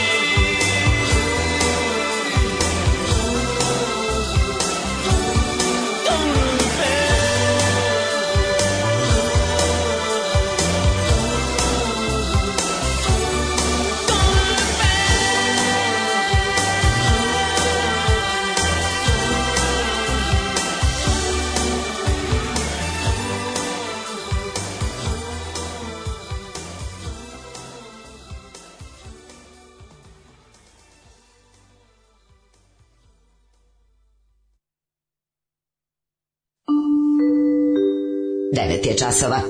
Radio Daško i Mlađa. Prvi program. Evo nas u 9 e, sati i 4 minuta, ulazimo u treći kobni sat naše emisije za 7. februar, petak, petak, šumadijski rock'n'roll. Daško, šta je sutra? Sutra u 8 časova u domu B612, u Miletićevoj alternativni kulturni centar. Ljudi iz podzemlja i Mige, 100. emisija Live Edition, koncert nastupaju pad Rožda iz Budimpešte, Smrt razuma iz Osijeka, Nagon iz Beograda i Seldom Sin iz Novog Sada. Stota emisija. Ej, Ove, ovaj, Daško Mlađe i Migi live da, pre da. nego što krene svirka. Mi se šalimo tamo uživo iz Tako Doma B, pa navratite od 8. A ovaj dva puta po ulaznice 066442266 piše nas tamo na spisak i vas od juče i vas od danas. Mm -hmm. Pa ko će da se zove Muftakis ovaj, uče odbije sebi E, plaćanje jednog piva i kupi ga nama. 066224466 ko prvi devojci sam u Migeta upada. Ove, pa eto, ove, vidimo se svakako sutra tamo od 8. Mm -hmm. U narednom satu ćemo da vidimo nekoliko zanimljivih tema. Jedna je svakako telohranitelj Davida Camerona zaboravio pištolj i pasuše u toaletu aviona. E, to mi potpuno nevjerovatno. Mislim, da, da, da, bivši, bivši telohranitelj. Ja bih ga pobe, povezao Veš... i sa ovim majstorom što je pratio kriminalca. Kako? Mislim, onako, rubrika e, službe na aerodromu. Može, može. Službe, u, službi i avijacija. Tako, a imali smo još jednu temu, ne znam da smo juče ovaj, obradili, ove, i svakako možemo se ubaciti i u surovi sveti tetoviranja. Ove, još... Tetoviranje, film vo ljubav e nad, kako je bilo, sveći kako bi reklama? Film su ljubav e, nad, e nadata, tako nešto. Obavezno pogledajte mekenonski film tetoviranje, ako niste do sada. Imam dva minuta da se obratim naciji, da kažem dok mi sviramo, da padaju bombe na Dubrovnik i Tuzlu. Nećemo da zabavljamo biračko tijelo. Jebe vam mater! Alarm sa mlađom i Daškom.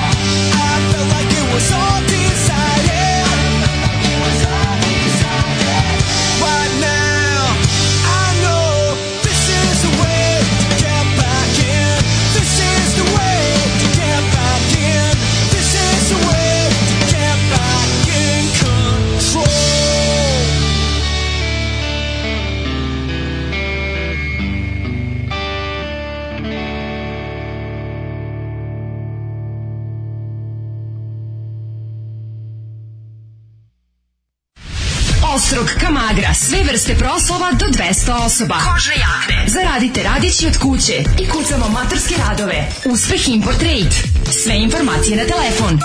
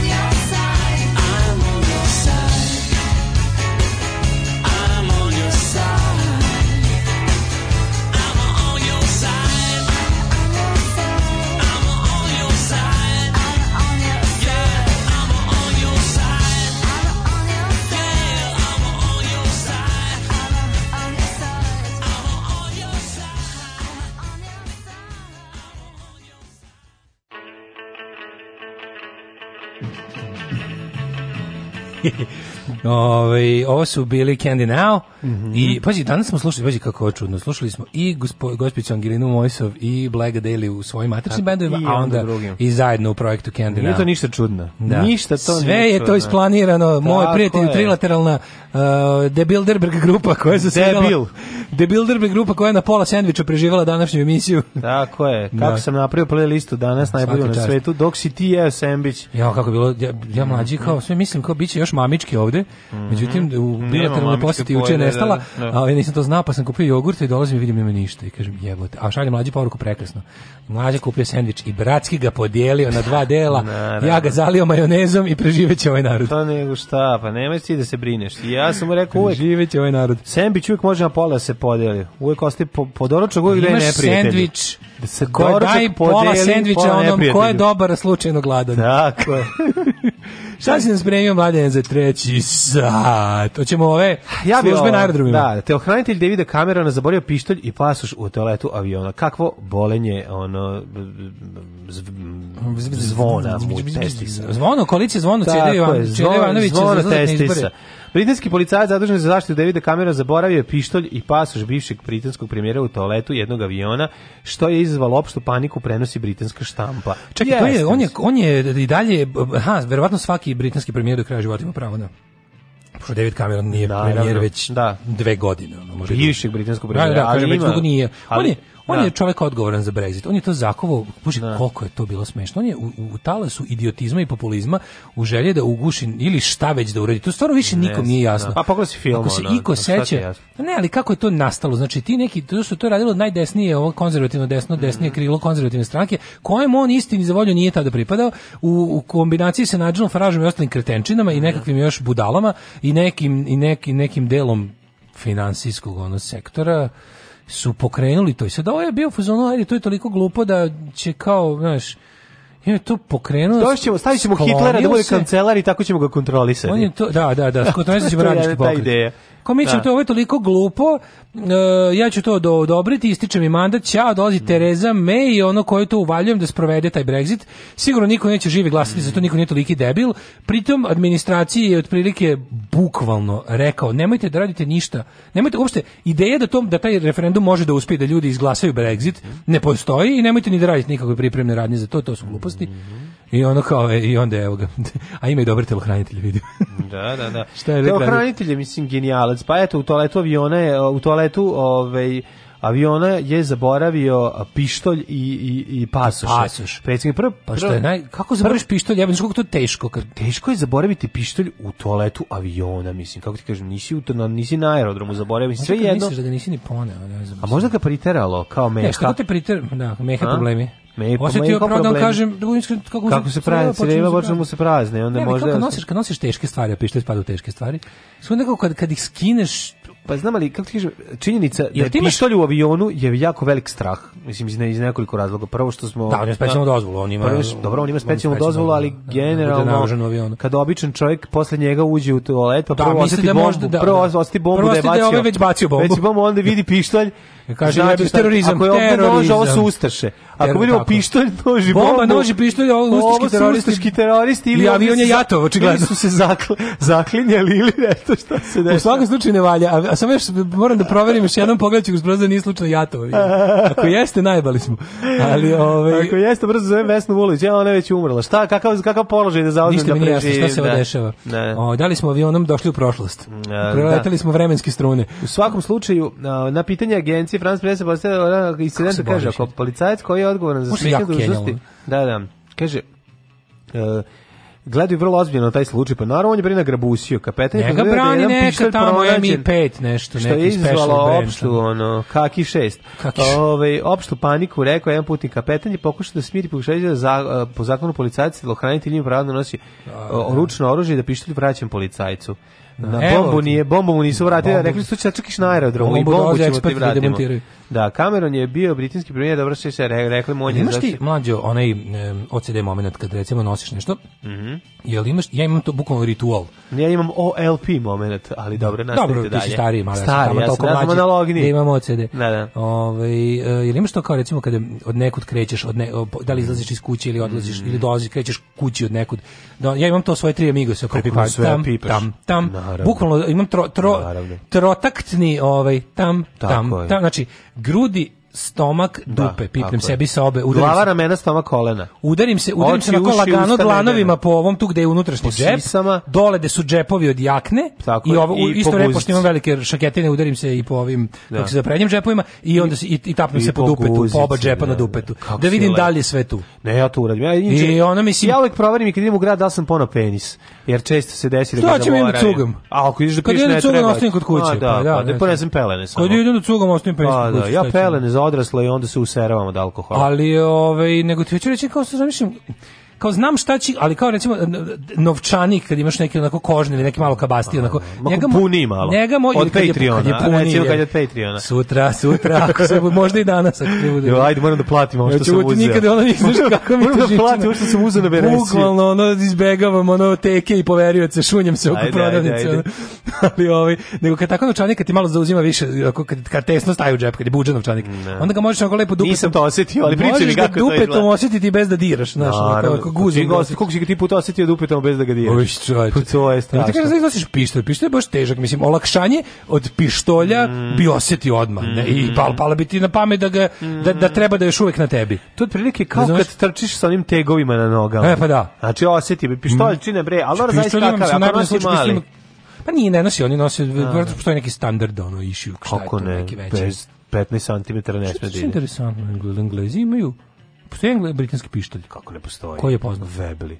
O, ali je to onaj, onaj revolver sa, sa onim onim što, što je vezan. On je Dylan Dogger. Ne, tako zove, da. Da, da i on nema, nema, nema, Kako nema? Koji je britanski pištolj? Britanski. Marka, da, da, da, da. da. Ja mislim, da oni rabe... Jonathan.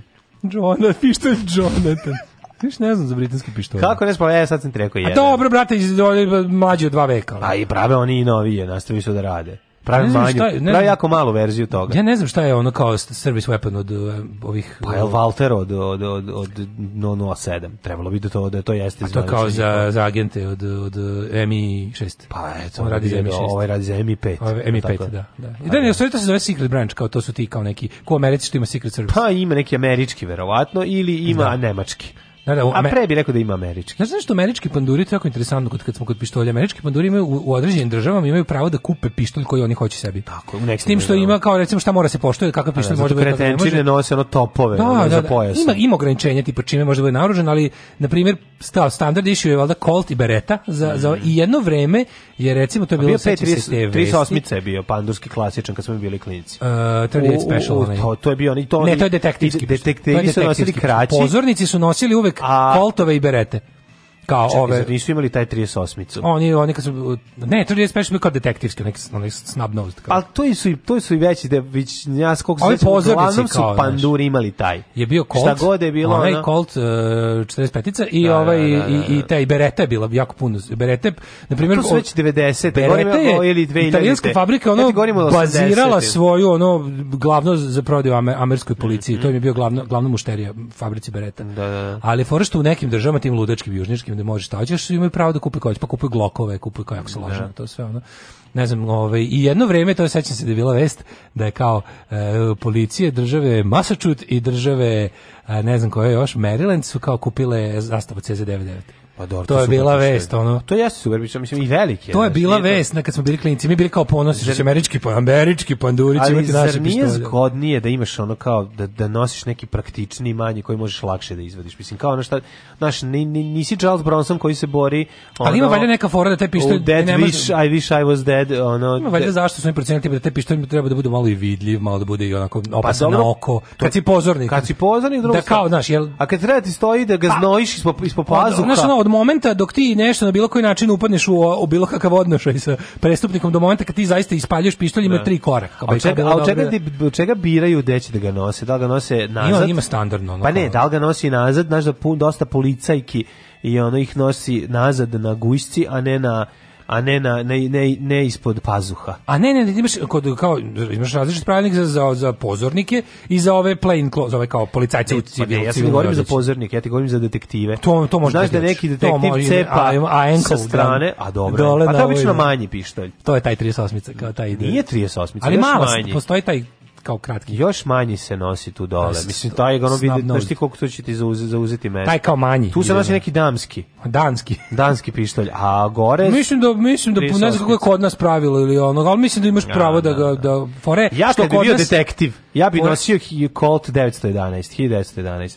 To mi je najlepši. Da. Znači, pa dobro, taj Colt, taj pandurski američki Colt 45 je manje više isti. Takav je nosio. Sa nekim malim prepravkama, isti izgleda. Pa izgleda malo arhaičnije izgleda ovaj. Meni taj 911 izgleda baš moderno. Najlepši to model. Nemaš da veriš da pa je napravljen 1911. Pre 108 godina. I da su ga nosili Ameri u Prvom svetskom ratu. Da, da, da. Taj da, da. mi izgleda toliko lepo. Ovaj. Yes. I ima taj, znaš što sam shvatio zašto? Zato što... Lepo, lepi odnos dužine cevi i držke. Onako nekako. Fantom ga fura. I to je ono e, zašto da, sam ja. Ja sam kao, da. i to dva komada. A, dva komada. I verovatno mi je to negde, pošto sam kao klinac obožavao Fantoma, verovatno bi to kod nas, ostalo. Kod nas ovi panduri u civilu... Kao za, kod nas, za, za, za dobar pištolj. Kod nas panduri u civilu kada su, kada su kao ti, kao inspektori, ili kako se to kaže, kod nas ne zove detektiv, tako? Kod nas zove inspektor zove se detektiv, ali ali ga zajebavaju svi kad tako sebe zove. zove detektiv zvanično inspektor se zove. Kod nas da. su sve inspektori. Pa detektiv? Ti koji kao rade. Mislim detektiv zove neko ko se pali na svoj posao pa ga zajebavaju. A za se ne zove zvanično to kod nas je detektiv. Ne zove. Ne zove se. Pa znači ti dođe kaže ja sam detektiv, ne bi umrao. Ja se kaže ja sam inspektor taj. taj. A da. inspektor se, nisu detektivi. Da, da, da.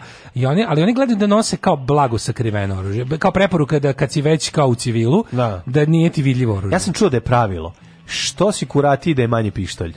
Jel to istina? Pogledaćemo sad u pravilnik MUPA dok čujemo jednu pesmu. Volim punk. Što voliš punk?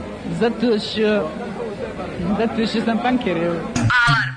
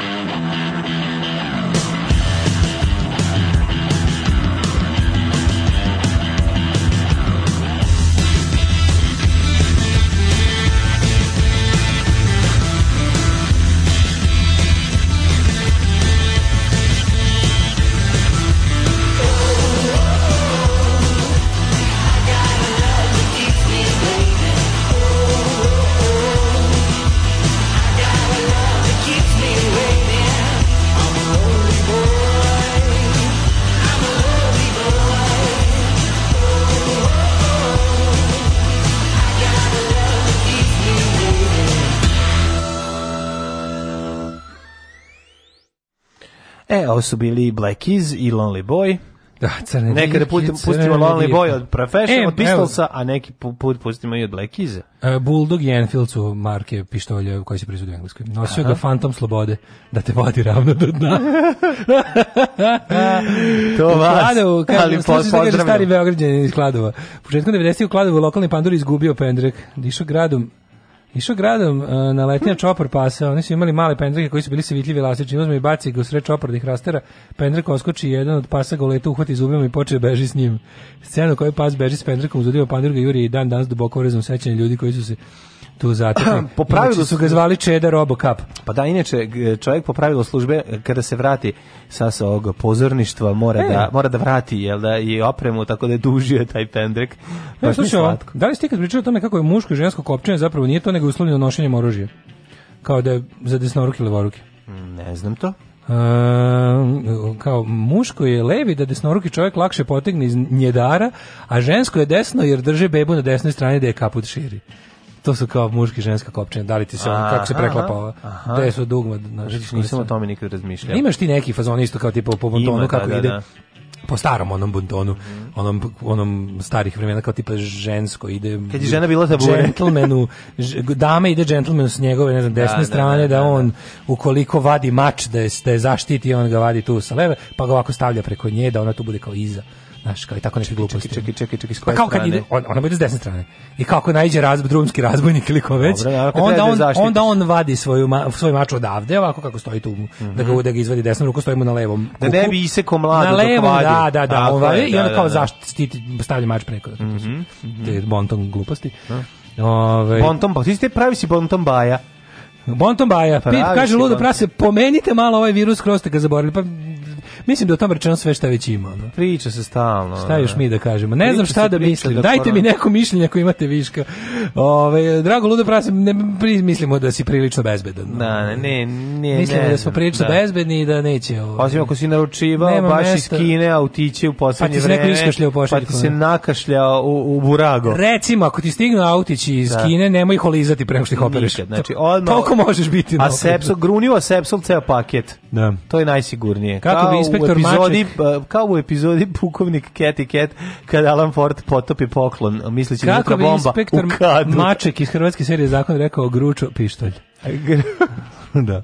Ove, idemo dalje da li ćemo da se pozabavimo ljudskim tijelom kao ogledalom emocije tijelo. ili ili Nekada se znalo kako treba da se ponaša. To mi je još draže. Ovo, znaš, ove teme o tome ja. kako smo nekada... Ne, ne, znaš najbolje. Kad teme koje su naši stari znali. Kad se uzme i kada se problem koji zaista postoji Kušno i analizira na kretinski način. Da, da, da. Pa dobro, ne, mm, pazi. Ne, ne, e, postoji... Znači, da- kretenski jer se ove fotografije, ove stok fotke stavljaju kao ideal. O, pa naravno, pa idealna porodica iz 50 Kad je tvoja porodica ovako ikad izgledala? Nikad, naravno. Znači, znači nikad. normalna, samoupravna, radnička, socijalistička, antifašistička porodica. Znači, ako ste gledali Fenlinijeve filmove, kako izgleda jedan doručak tako, tako. Da. Pa malo to je, na, to je moja porodica. Pa to je moja porodica, pa to da. ti kažem. Sećam se kad nekoj emisiji u školskom programu bilo kao Jurenje oko stola, ko će šta uzeti, čale ja, viče, gde da su mu čarape. Ja iskreno mislio kada sam u nekoj epizodi školskog školskog programa neke mm -hmm. kuće za maštanje ili tako putokaz ili nečega gledao kao bili su primjeri tipa Lupić, on Simić i Petrović. E sad Simići su neki što se svađaju nikad ne ručaju zajedno. A pa to moja porodica. Juko, pa ovo smo mi ovaj normalno. A Petrovići su neki oni hovini svedoci idioti da, koji ono da, da, jedni drugima govore vi i majka s pečenjem ono. I svi rade za oznu. Ja, e, Cela pa porodica druga jedni drugi. Idu da, nedeljom da. u crkvu, ne rekao, ovo su da. debili, a mi, idu u crkvu, mi smo ovi normalni što ja se pičkaju. ja kad sam bio mali, putokaz, za vreme putokaz niko nije išao u crkvu. Otac ustaje iza stola samo da, da razvali mene preko. Tako je, tako. A ne, ono, razbi tanjiro glavu. Razbi tanjiro glavu, a ne da ne znam šta. Da poveda, da, da. Kaže, nema opravdanja za nevespitanje. Prisjetimo se malo kako su mališani ranije od malih nogu učestvovali malih nogu učeni i poštovanju i kulturnim gestovima. A taj obrazac ponašanja ostaje mi urezan u glavi za sva vremena. Mislim najgore. Najgore kada se najgore, šta, šta, problem kućno, realno da, postoji. Da, naravno, ovaj kućno vaspitanje je najvažnija stvar. imamo problem sa ono kao nevaspitanjem da, mlađe ali, generacije. Tako je isto bilo ali, u 60-ih i ljudi su to isto, mislim svaka sledeća generacija sve velike misle, društvene promene, misle da to zadnja generacija da, da posle ovog dolazi kraj jer je ovo nemoguće. I, kla, i slažem se da jako mislim da jako puno debila, mislim to je sad ono naš Ne, ne, ne, postoji definitivno mi imamo imamo deficit, na to sam mislio. Ali to nije kako ti kažem, um, oni ga onda uzmu pa ga ispregledaju sa te ludačke konzervativne strane. Pa znam pa ga, I sve se stigne do toga, to da nam je zato. Da treba se vratiti u što nismo u 19. veku, da, što da, ne živimo kao što je bilo ideal u 19. veku i počnu da izmišljaju period kad su ljudi ono nosili uh, jednodeli kupaćih što se nikad nije desilo muškarci to postane, žal, to postane žal za suludim vremenima ono tipa uh, slepog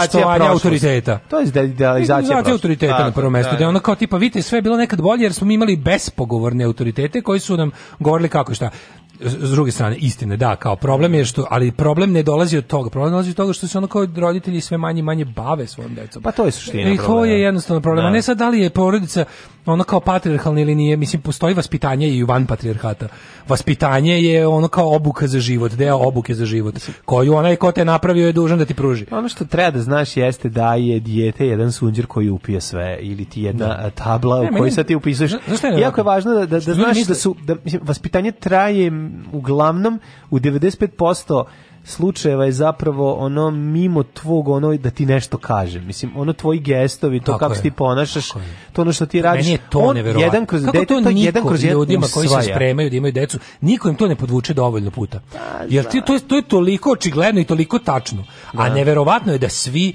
ljudi u vaspitanju svoje dece insistiraju na tome Ja sam njemu rekao, ja sam njemu utuvio. Pa to nisam mu ništa rekao i nisam no. mu da. ništa utuvio. Pa, mislim, indoktrinacija radio, pa, prvo da. ne radi, radi sa, od indoktrinacije se zapate samo najgori aspekti. Znači, učenje deteta da poštuje tvoj autoritet zato što si ti roditelj je glupo, no. to je potpuno idiotski. Znači, autoritet treba da baziraš na tome da ti nešto u, njega, u tom trenutku znaš više od njega. To je tvoj autoritet, a ne bogom dan je autoritet koji ne postoji i samim tim ne možemo ništa nametnuti. Sledeće je ono kao učenje primjerom. Ako ti nisi. Tako da, znači, nemoj molim te, tvoje dece tražiš da budu bolje od tebe, jer da. nisu imali da vide. Da, da, mislim, jako je važno učenje o nepogrešivosti da se ono, mislim, izbaci. Znaš, Naravno, ono, to je, da. kao roditelj je nepogrešiv i onda sad, znači, to, to, to su, mislim, a to, to je to konzervativan pristup koji mi sada pokušavamo da implementiramo na nevam potpuno izvitoperen način, i ono hrleći hrabro u 19. iz 21. u 19. Raskorek između ono talking the talk i walking the walk. Pa, ja, ja da, sam mom sinu pa- rekao i onda te vidio kako pa, da, ločeš. Ono pa zato što jako brzo se to prelazi u pognutu u glavu sabljene seče. E, ja sam mom sinu rekao. Nemoj da pogni, nemoj da pogneš glavu. Mislim to je prva i osnovna stvar.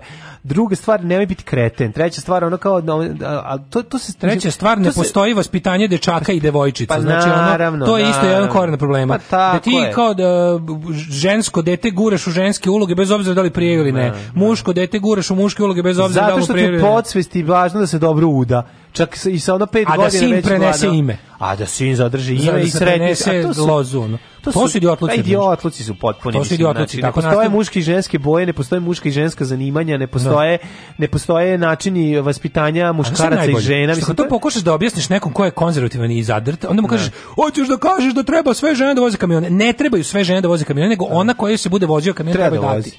O tome, to je samo to. Znači, to nije, to, ne, to je, u naš ja, da si ču, da si pročitao što je ova Sloboda Mićalović ono. To, to, to je stvarno tuga. To je pa baš ono, iz kog si ti manastir iz Ali opasno je to. To je jako opasno. Tužno je, opasno zato što je ona role model Mislim, Tuga, to je jako opasno. Je, jadno je, jadno. Ona je, ona, ona, misliš, šta to znači? Mi žene, mi smo, usvojili, izgubili, ne, mi žene smo mi žene smo usvojili muško mišljenje. Usvojili smo kao da. nežensko mišljenje. Nežensko, po, počeli smo da... Da, da, da. Aj, ono, žena, šta to znači, bre? Ne, izgubili to? smo svoju žensku ulogu. Da. A Ženska dan? uloga ne postoji. Da. Ljudi su pojedinci i individue. Pa- znači, neće svaka žena imati decu, pa neće da. svaki muškarac imati, neće svaki muškarac biti muževan, neće svaka žena biti ženstvena fora u tome da kakva god da bude, da prepoznaš šta je prirodno leži, prepoznaš da. šta mu prirodno leži i da to ne ispravljaš kao što pazi ljudi su ispravljali ljudima ljudi levake su ispravljali da, da levoruke da, pa levake, levor, pa da, ljudi su ispravljali svoju levoruku decu samo da ih uglave što bolje u, da, u da. obrazac da. naš svako iskakanje iz iz onog što je propisano nije normalno a sve ide kao sve vodi u propast kolaps društveni totalni a sve vodi u manastir i, i lopatom izbacivanje lopatom i onda ti vidiš djavo, da društvo to to. pazi oni kako ne primećuju to mi isto je neverovatno kako ljudi koji se prilaže nacionalizam ne vide koji kriminal ide s time uvek ne zato, kako ljudi kako ljudi to nije kriminal kriminal, kako ne shvataš? Ne znaju oni da žive u kriminalu, zato svi ti pa nacionalisti pa svi znaju. znaju. ali idiotski tvrde da je taj kriminalni deo društva zapravo nastao od, kao, ljudi, od, liber, od liberalnog pristupa. Pa ali obični ljudi to misle, bre, obični ljudi pod, pod onog kriminalcem kad mu kažu, a snašao se čovjek, o, ipak snašao se biznis. Ne, ne, pa mislim, činjenica da, da neko, da neko nosi titulu kontroverznog biznismena, i najveći nacionalista u ovoj zemlji vidi da mu je država propala. Znači, da, da. kako god on isto vrijeme uzdizao svoj narod, isto vreme mislio da je najgunarski na svetu. To je isto lepota nacionalizma mehanizma, mm -hmm. on isto vidi da je ova zemlja potpuno nefunkcionalna. Njemu je to jasno. S tim što onda on u svojoj ludoj glavi kaže to je zato što ima premalo nacionalizma. Da, Razumeš? Da, da. Jer da mi tu jače stegnemo, onda ne, on, a ne, nikad mu ne pada pamet da zemljama u kojima ima što manje nacionalizma, da su to napredna društva. Iz razloga što ne robuju nikakvim lažnim autoritetima ne. i gde ljude puštaju da budu ono što jesu. Znači, dobar roditelj će valjda primetiti šta su afiniteti njegovog deteta i neće mu to, posebno ako nije nešto tipa opasno po život ili nešto. Naravno, kao ali, tebi petarde. No, da. ali ono kao to jo, izgleda, znaš kao, šta da radimo ono stevica, stevica umesto da, da juri za vericu. Ne, neko umesto da juri da. za vericom, juri za Markova. Jebi da, ga, da. pusti ga da juri za Markova. Mislim, Tako ako je. Marku Marku ćemo valjda staviti do znanja da li mu Marku se sviđa. Marku ćemo staviti. Pa ne, do Marku znanja, ćemo staviti do da, znanja da, da, da mu se sviđa, mu se ne sviđa, ga stavit će Juri. Ako ne, ne ono nek pre, znači ono ne može to. Po, pa ne. Postaće peder, neće već jeste verovatno. Pa to je sad znači, on ne brini. stvari, znači, mene, pazi, mene, meni nije strašno mi, ali mogu da razumem kada baba i prababa ne mogu to da shvate. Da. Ali ne mogu da razumem da ono da će ne mogu da razumem da Keva više to razume nego ćerka. Mm. Razumeš šta ću mi da, smo da, ono, da, imamo jedan problem. Imamo ima, imamo, a to je skok konzervativnosti, pa naš problem nije, naš, problem nije taj što su nam generacije otišle u hipi ludilo. Ne. Nego suprotno, suprotno. Što su, što su deci šalju pogrešne poruke. A znači- što su Slobode Mićalović male, što se rađaju male Slobode Mićalović. Porno pravoslavlje. Pa to porno je pravoslavlje je problem. Je, da, da, da. Znači ono Keva je Instagram noktarka ono da. sola a a a glu a dete kao da, da. Znaš, a ti mala dobro prodaj čavku. Pa Razumeš pa to, sve to pa je, ići ćeš mi, slušaj, ići ćeš mi na veronauku, tamo će ti veroučitelj objasniti da, da si prljava kurvetina. Tako je. A ja ću ti ovaj a a, a znači, to su to su zbunjujuće poruke detetu. Mm -hmm. Znači, to su potpuno zbunjujuće poruke. Yes. Evo ti brojanica, evo ti krštenje, evo ti E, da mi se zakuneš da će se čuvati od nemorala i bluda, a keva ono, razumeš, kao, yes. no, da, da, znaš, ne, da. ne. nemoj ti sad, a, a deca, a deca uče dobro, ono što to vidi. Lažno, mislim, to je lažno, ona isto vremeno, koji, da ti da tu poruku, ona isto vremeno, ono, mislim, njoj kupi sise za 18. Pa, rođendan. Ili otac koji mislim, isto pun, otac, sine, mi smo Srbi časni, pošteni, pravoslavlji, o, ja. šta radi tata, tata krade gorivo, da. na veliko, ne, tata prodaje drogu, tata je sa kumom e, preko stranke uvezo bez poreza gomilu ono levih guma za, za, za golfa četvorku i i valji mi. Znaš šta su, ali dete vidi kao, dete jasno vidi da ono pošteni ali ja, nema da, ništa, ne, nepošteni ne, napreduje. Tako je, ali ne, ali druga stvar što dete usvaja obrasce ponašanja. Nije to samo da je dete, znači ono, dete, ti možeš detetu pričati, ne znam šta, možeš, znači ono, al ako si ti, ono, ako ti pališ cigaretu, ako ti, ono, radiš to što radiš e, na način na koji radiš svakodnevno, on te gleda, on bukvalno kad usto otvori oči ujutru, gledaš šta ti radiš prvo, ako češeš jaja, on će češati jaja. No, no. Mislim, to je jednostavno, no, tačno, ono, znači, tačno. to, to je suština ti moraš svakog trenutka, ti svakog trenutka moraš da razmišljaš o tome šta radiš jer njemu daješ primer. I znači, a ono objašnjavanje nemoj to, mislim to, to je kasno, mislim to to pod nemoj ne, to, to je već da, prošlo mm, naš ono, to tu. Ali ne tako da dete pita, a što ti, a deca pitaju, pa pitaju, a što ti to radiš? Ti, to je drugo, ja sam veliki. Da, da ti objašnjenje. Ne, ono, ne, to su to otpuno. Da, to je da, gotovo, to je mislim, to je to je onda, razumiješ, Ali mislim da time prekidaš, zapravo bavljenje Time prekidaš deteta. logički niz misli detetu yes. i guraš ga u stramputicu. A da. ja sam, ja, ja sam apsolutno ubeđen da kao onog koga naučiš logici, ti si manje više na konju. Znači, logika je ono, pel, logika ti je neka vrsta pelcovanja.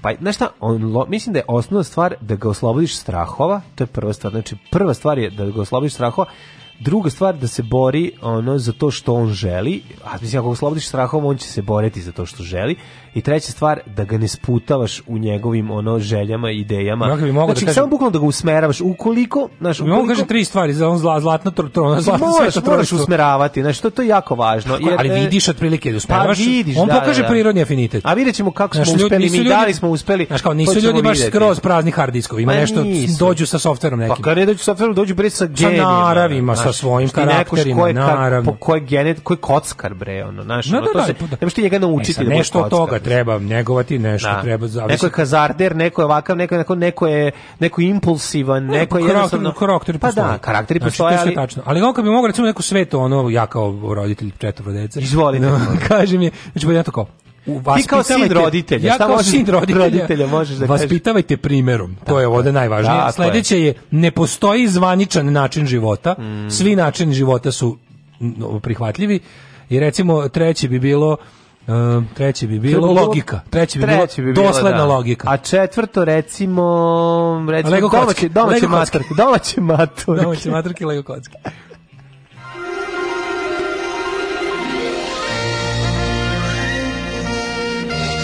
Jet set. Jet set.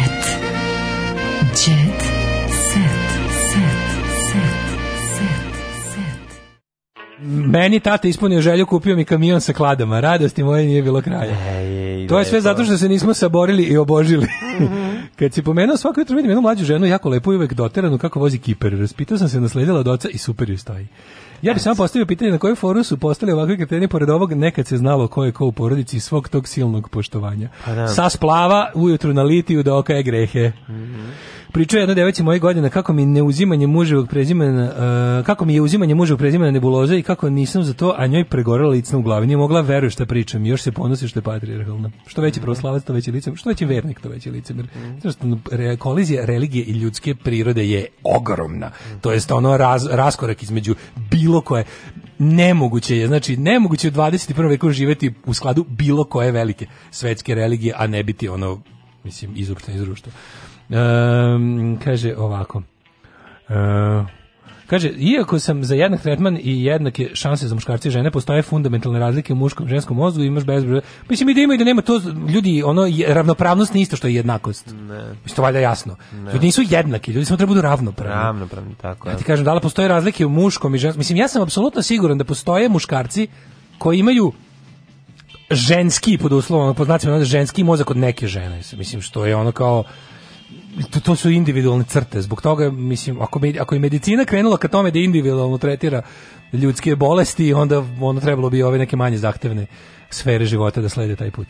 Ovaj škandal Daško. Je. Idemo u jet set, ima jako puno jet set. Kaže, moj klinac malo stariji od Feđe, nam je pre neki dan rekao da je zaljubljen u Elzu iz Frozena. Mami je slatko, ali ja vidim da on više gleda kao stilista sve je to cool, sve je to slatko. Odlično, bre, pa to je mora da super, da zna, da. znači onako mora da zna samo da ga rodi, roditelji stoje 100% iza njega. Onda možeš sve. Znači ja sam da. tu ludu sreću, stvarno. Pa Meni smo roditelji podržavali u svemu. I onda za to, mi, za to im beskrajno hvala. Da. Znači, naravno nisu pustili pravim gluposti, ali kao kad su videli da, ako to nešto njima može delovalo smešno ili čudno, ili, ili, ili besmisleno, ili, da. ili kao nećeš nikada uspeti. To mi nikad nisu rekli. Pa dobro, da. Mogu, to mi nikad nisu reći rekli. ono za sline, ali dobro, ajde sve ostalo, ja ne za žuto izušio. A sve, ja, ja bim samo za to, bih zamerio. Kad završi svoje ide kod Željka. Sve to. Za ostalo bi rekao da je u redu. Da. Ove, nego šta sam teo da ti kažem, Daško. Znači, ja imam toliko djeceta. Ja prosto, mi u ovih pet minuta, Joj, šest, sedam, ja možda moram malo da prožem. Pa vaspitanje dece je bilo važnije. Jeste, pa, pa mislim da... Mi roditelji. Decu ti neću vaspitati. Slušaj ovo. Daško, Ali evo, tu je Gagi Đugani. Daško, ja ne, to, sačekaj, sačekaj mi Gagi Đugani, ja ću da te pogodim prvo sa Natom, sa Sašom i sa ovaj, Darkom Lazićem. Slušaj ovo. Ajde. Nataša Bekvalac, imam strahove pred koncert. Nataša, ne moraš da imaš strahove. Pohrlić će ceo Twitter, ono, tebe, evancipovtovanu žborkinju za ženska prava, ovaj, nakon ko, ško, na, prvo što si posrnula jedno 19 puta, pa se dizala. Nema veze, nikad nije ovaj, kasno primiti, Nataša primiti Bekvalac kaže, broj sitno do svog prvog velikog koncerta u Štark areni. Šta je Štark arena? Uvijek zaboravim. Štark arena, Kombank arena. Komb, a šta je Kombank arena? Ništa. Dobro. Sad je Kombank dvorana, to je dom sindikata. Mm -hmm. Je to dom sindikata? Ovo je sad Škart arena da. arena. Da, dom sindikata je Kombank Arena. Škotsko, Stark da. Arena je bivša Kombank Arena. Dobro. A, mnogo lepo se osjećam, imam i strahove i sve emocije. Ma doći će bre. Da, srećno, da, e, prodaćeš, prodaćeš sigurno. Ona je sad postala nekako, kako ti kažem... Slavarke su odove kod tebe, intelektualke su počela da budu počele s tebe su, da, od da. kada te može ispeglo i to je to super. Ono, da, da znači, da. ne prodaćeš, prodaćeš. Drugi stran, Daško, Cobi je urinirao, to je njegova stvar. To, da, znači, brat. Cobi je urinirao, ja je polako suknju skidao, po tvome telu patrolirao. Darko Lazić priznaje da je bio u društvu Slobodana Velj, Veljkovića Cobija kada je urinirao na Ciriškom aerodromu, ali nije pojma šta se dešava. Bio sam pritisu, ta nisam verao gde je urinirao ovako. Ti nisi to video? Ne. A bože, pokazivao sam ti kad je išao u Cirih na nastup i onda se tamo razobadao, napio na šmrku i ostalo i onda je bilo kao seljačine, pišanje po sirotinji, mislim bio je jebi ga. Znam, gde je Bio fula, po pisti i aerodroma. Pošto su leteli privatnim, nekim Learjetićem su leteli i onda je ovaj piše na aerodromu. Piše pa da kao pošto naš dobro se sakrije. Kao može. Pa to je to je IDJ simbol uspeha u životu. Da, da, da, kao, piše na aerodromu. Oni su kao znaš njima njima je ideal u životu da pišaju po sirotinji. Da, piše po sirotinji. To im je da, kao da, da. sve što rade, IDJ-ci njima kao jako važno da da se piša po svima koji nemaju. Da, kao fore da, pa samo bahato, samo da, samo da, bahato. Samo bahato znaš, da, da, da, da, jako važno da da, mm. ponižavaš ljude koji su uh, materijalnog slabijeg stanja da, da, tebe. Time postižeš ukrutnuće svog smokija. Da, imaš to varijantu. Da, jasno, Zna se ko uh, razumem, razumem. E, onda on kao ma, malo nekako kako da, da, Ne može da ti se digne dok uh, žel, dok te poniziš. Dok neko, da, da, razumem, razumem. Ali moraš ono kao recimo moraš da znaš Nije ti dosta što ti recimo si kao dobio si lupa sad za nastup si dobio 30.000 evra, 30.000 evra, ne možeš ti sad da uzmeš i da negde potražiš da ti bude lepo, nego moraš tih 30.000 e, evra da, da doneseš pred oči nekog da. ko nema. Tako je. I e, onda dok on gleda da te pare, dupe, ti šoraš. Onda, da, da, to, da, je, jasno, to, je, to je IDJ-izam, mm. to je mm-hmm. ideologija IDJ-izma. Mm -hmm. Ove, ja imam gagi. A pa daj, pa, daj mi gagi. da ne bude samo da pričamo o onima koji imaju. Dajde vidimo, malo i oni koji nemaju. Dajde vidimo onima po kojima piše ovaj. E, pa, da, Gagi Đogani. Mm -hmm. Đole Đogani, brat reality učesnik, ističe kako mu teško da gleda zadrugu. Pa je, stvarno, ne znam, mislim čoveče, Đole koji ono, nekako pokuša sačuva dostojanstvo, on kao... Čekaj, čekaj, da Đole da je najstariji. Da, najstariji. Da, da, da, da, da The Patriarch. Okay. Aha, okay. Ove, ovaj, The Patreon. Znaš, njemu to dosta onako razmišljam čovječ, on je onako, on je, on je pokušao od ovih od, neko nije pa, uspeo, u svom slučaju uspeo. Nije mogu biti čale, on je morao preuzeti ulogu čale. A mora svima da bude čale. Pa mi ste malo zajebano. A i da sve to vreme... Kaže, s knedlom u grlu pričao, porodici Đugani, kako mu je žao. je supa? Zbog jednog, ne ove nedelje, ali ovaj, kao žalim u svakom slučaju, on je moj brat i volim ga To je Pričali tako. smo mnogo puta o tome, svi znamo da je tu zbog novca, rekao sam mu, tamo si meta, svi će da te gađaju, niko te tamo neće poštovati, neko će te... Poga... Slušaj, slušaj mudro Đoletović, da sad ne parafriziram, mislim, šta nije jasno Đoletović? Neko će te pogoditi sa strane, neko u sredinu, neko će da te poliva, neko će na tebe da viče. Samo se seti na kraju šta dobiješ To jeste lepa svota novca koju ne možeš da čekaj, zaradi. Čekaj, čekaj, izvini. Koju, da stani. Samo se sjeti na kraju šta dobiješ. Mm -hmm. A to jeste svota novca koju nikad ne možeš da zaradiš na tvojim nastupima. E sad slušaj, okay, ja bih volao ako možemo taj tekst da uhlebimo u muziku. Evo, ovog trenutka ja da bude e, beatbox mašina, a ti to pevi. Ajde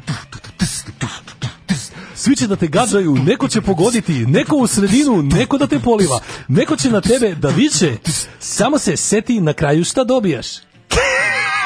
Zdravo. Čekaj, čekaj, čekaj, čekaj, završimo nedelju tradicionalnim. Hvala vam što nas podržavate patreon.com kroz Daško i Mlađa, Voban. Ali, smo ženski glas imali, onaj nastavak treba da ide u ženski glas. dobijaš? Hvala na podršci, lepo se provedite. Uživajte u vikendu i svi na Migita u sobotu. E, vidimo se sutra u 8 u domu B612. Ćao. Ćao. Oh. Tekst čitali Mladen Urdarević mm, i Daško Milinović. Ton majstor Richard Merc. Realizacija Slavko Tatić. Urednik programa za mlade Donka Špiček. Alarms svakog radnog jutra od 7 do 10.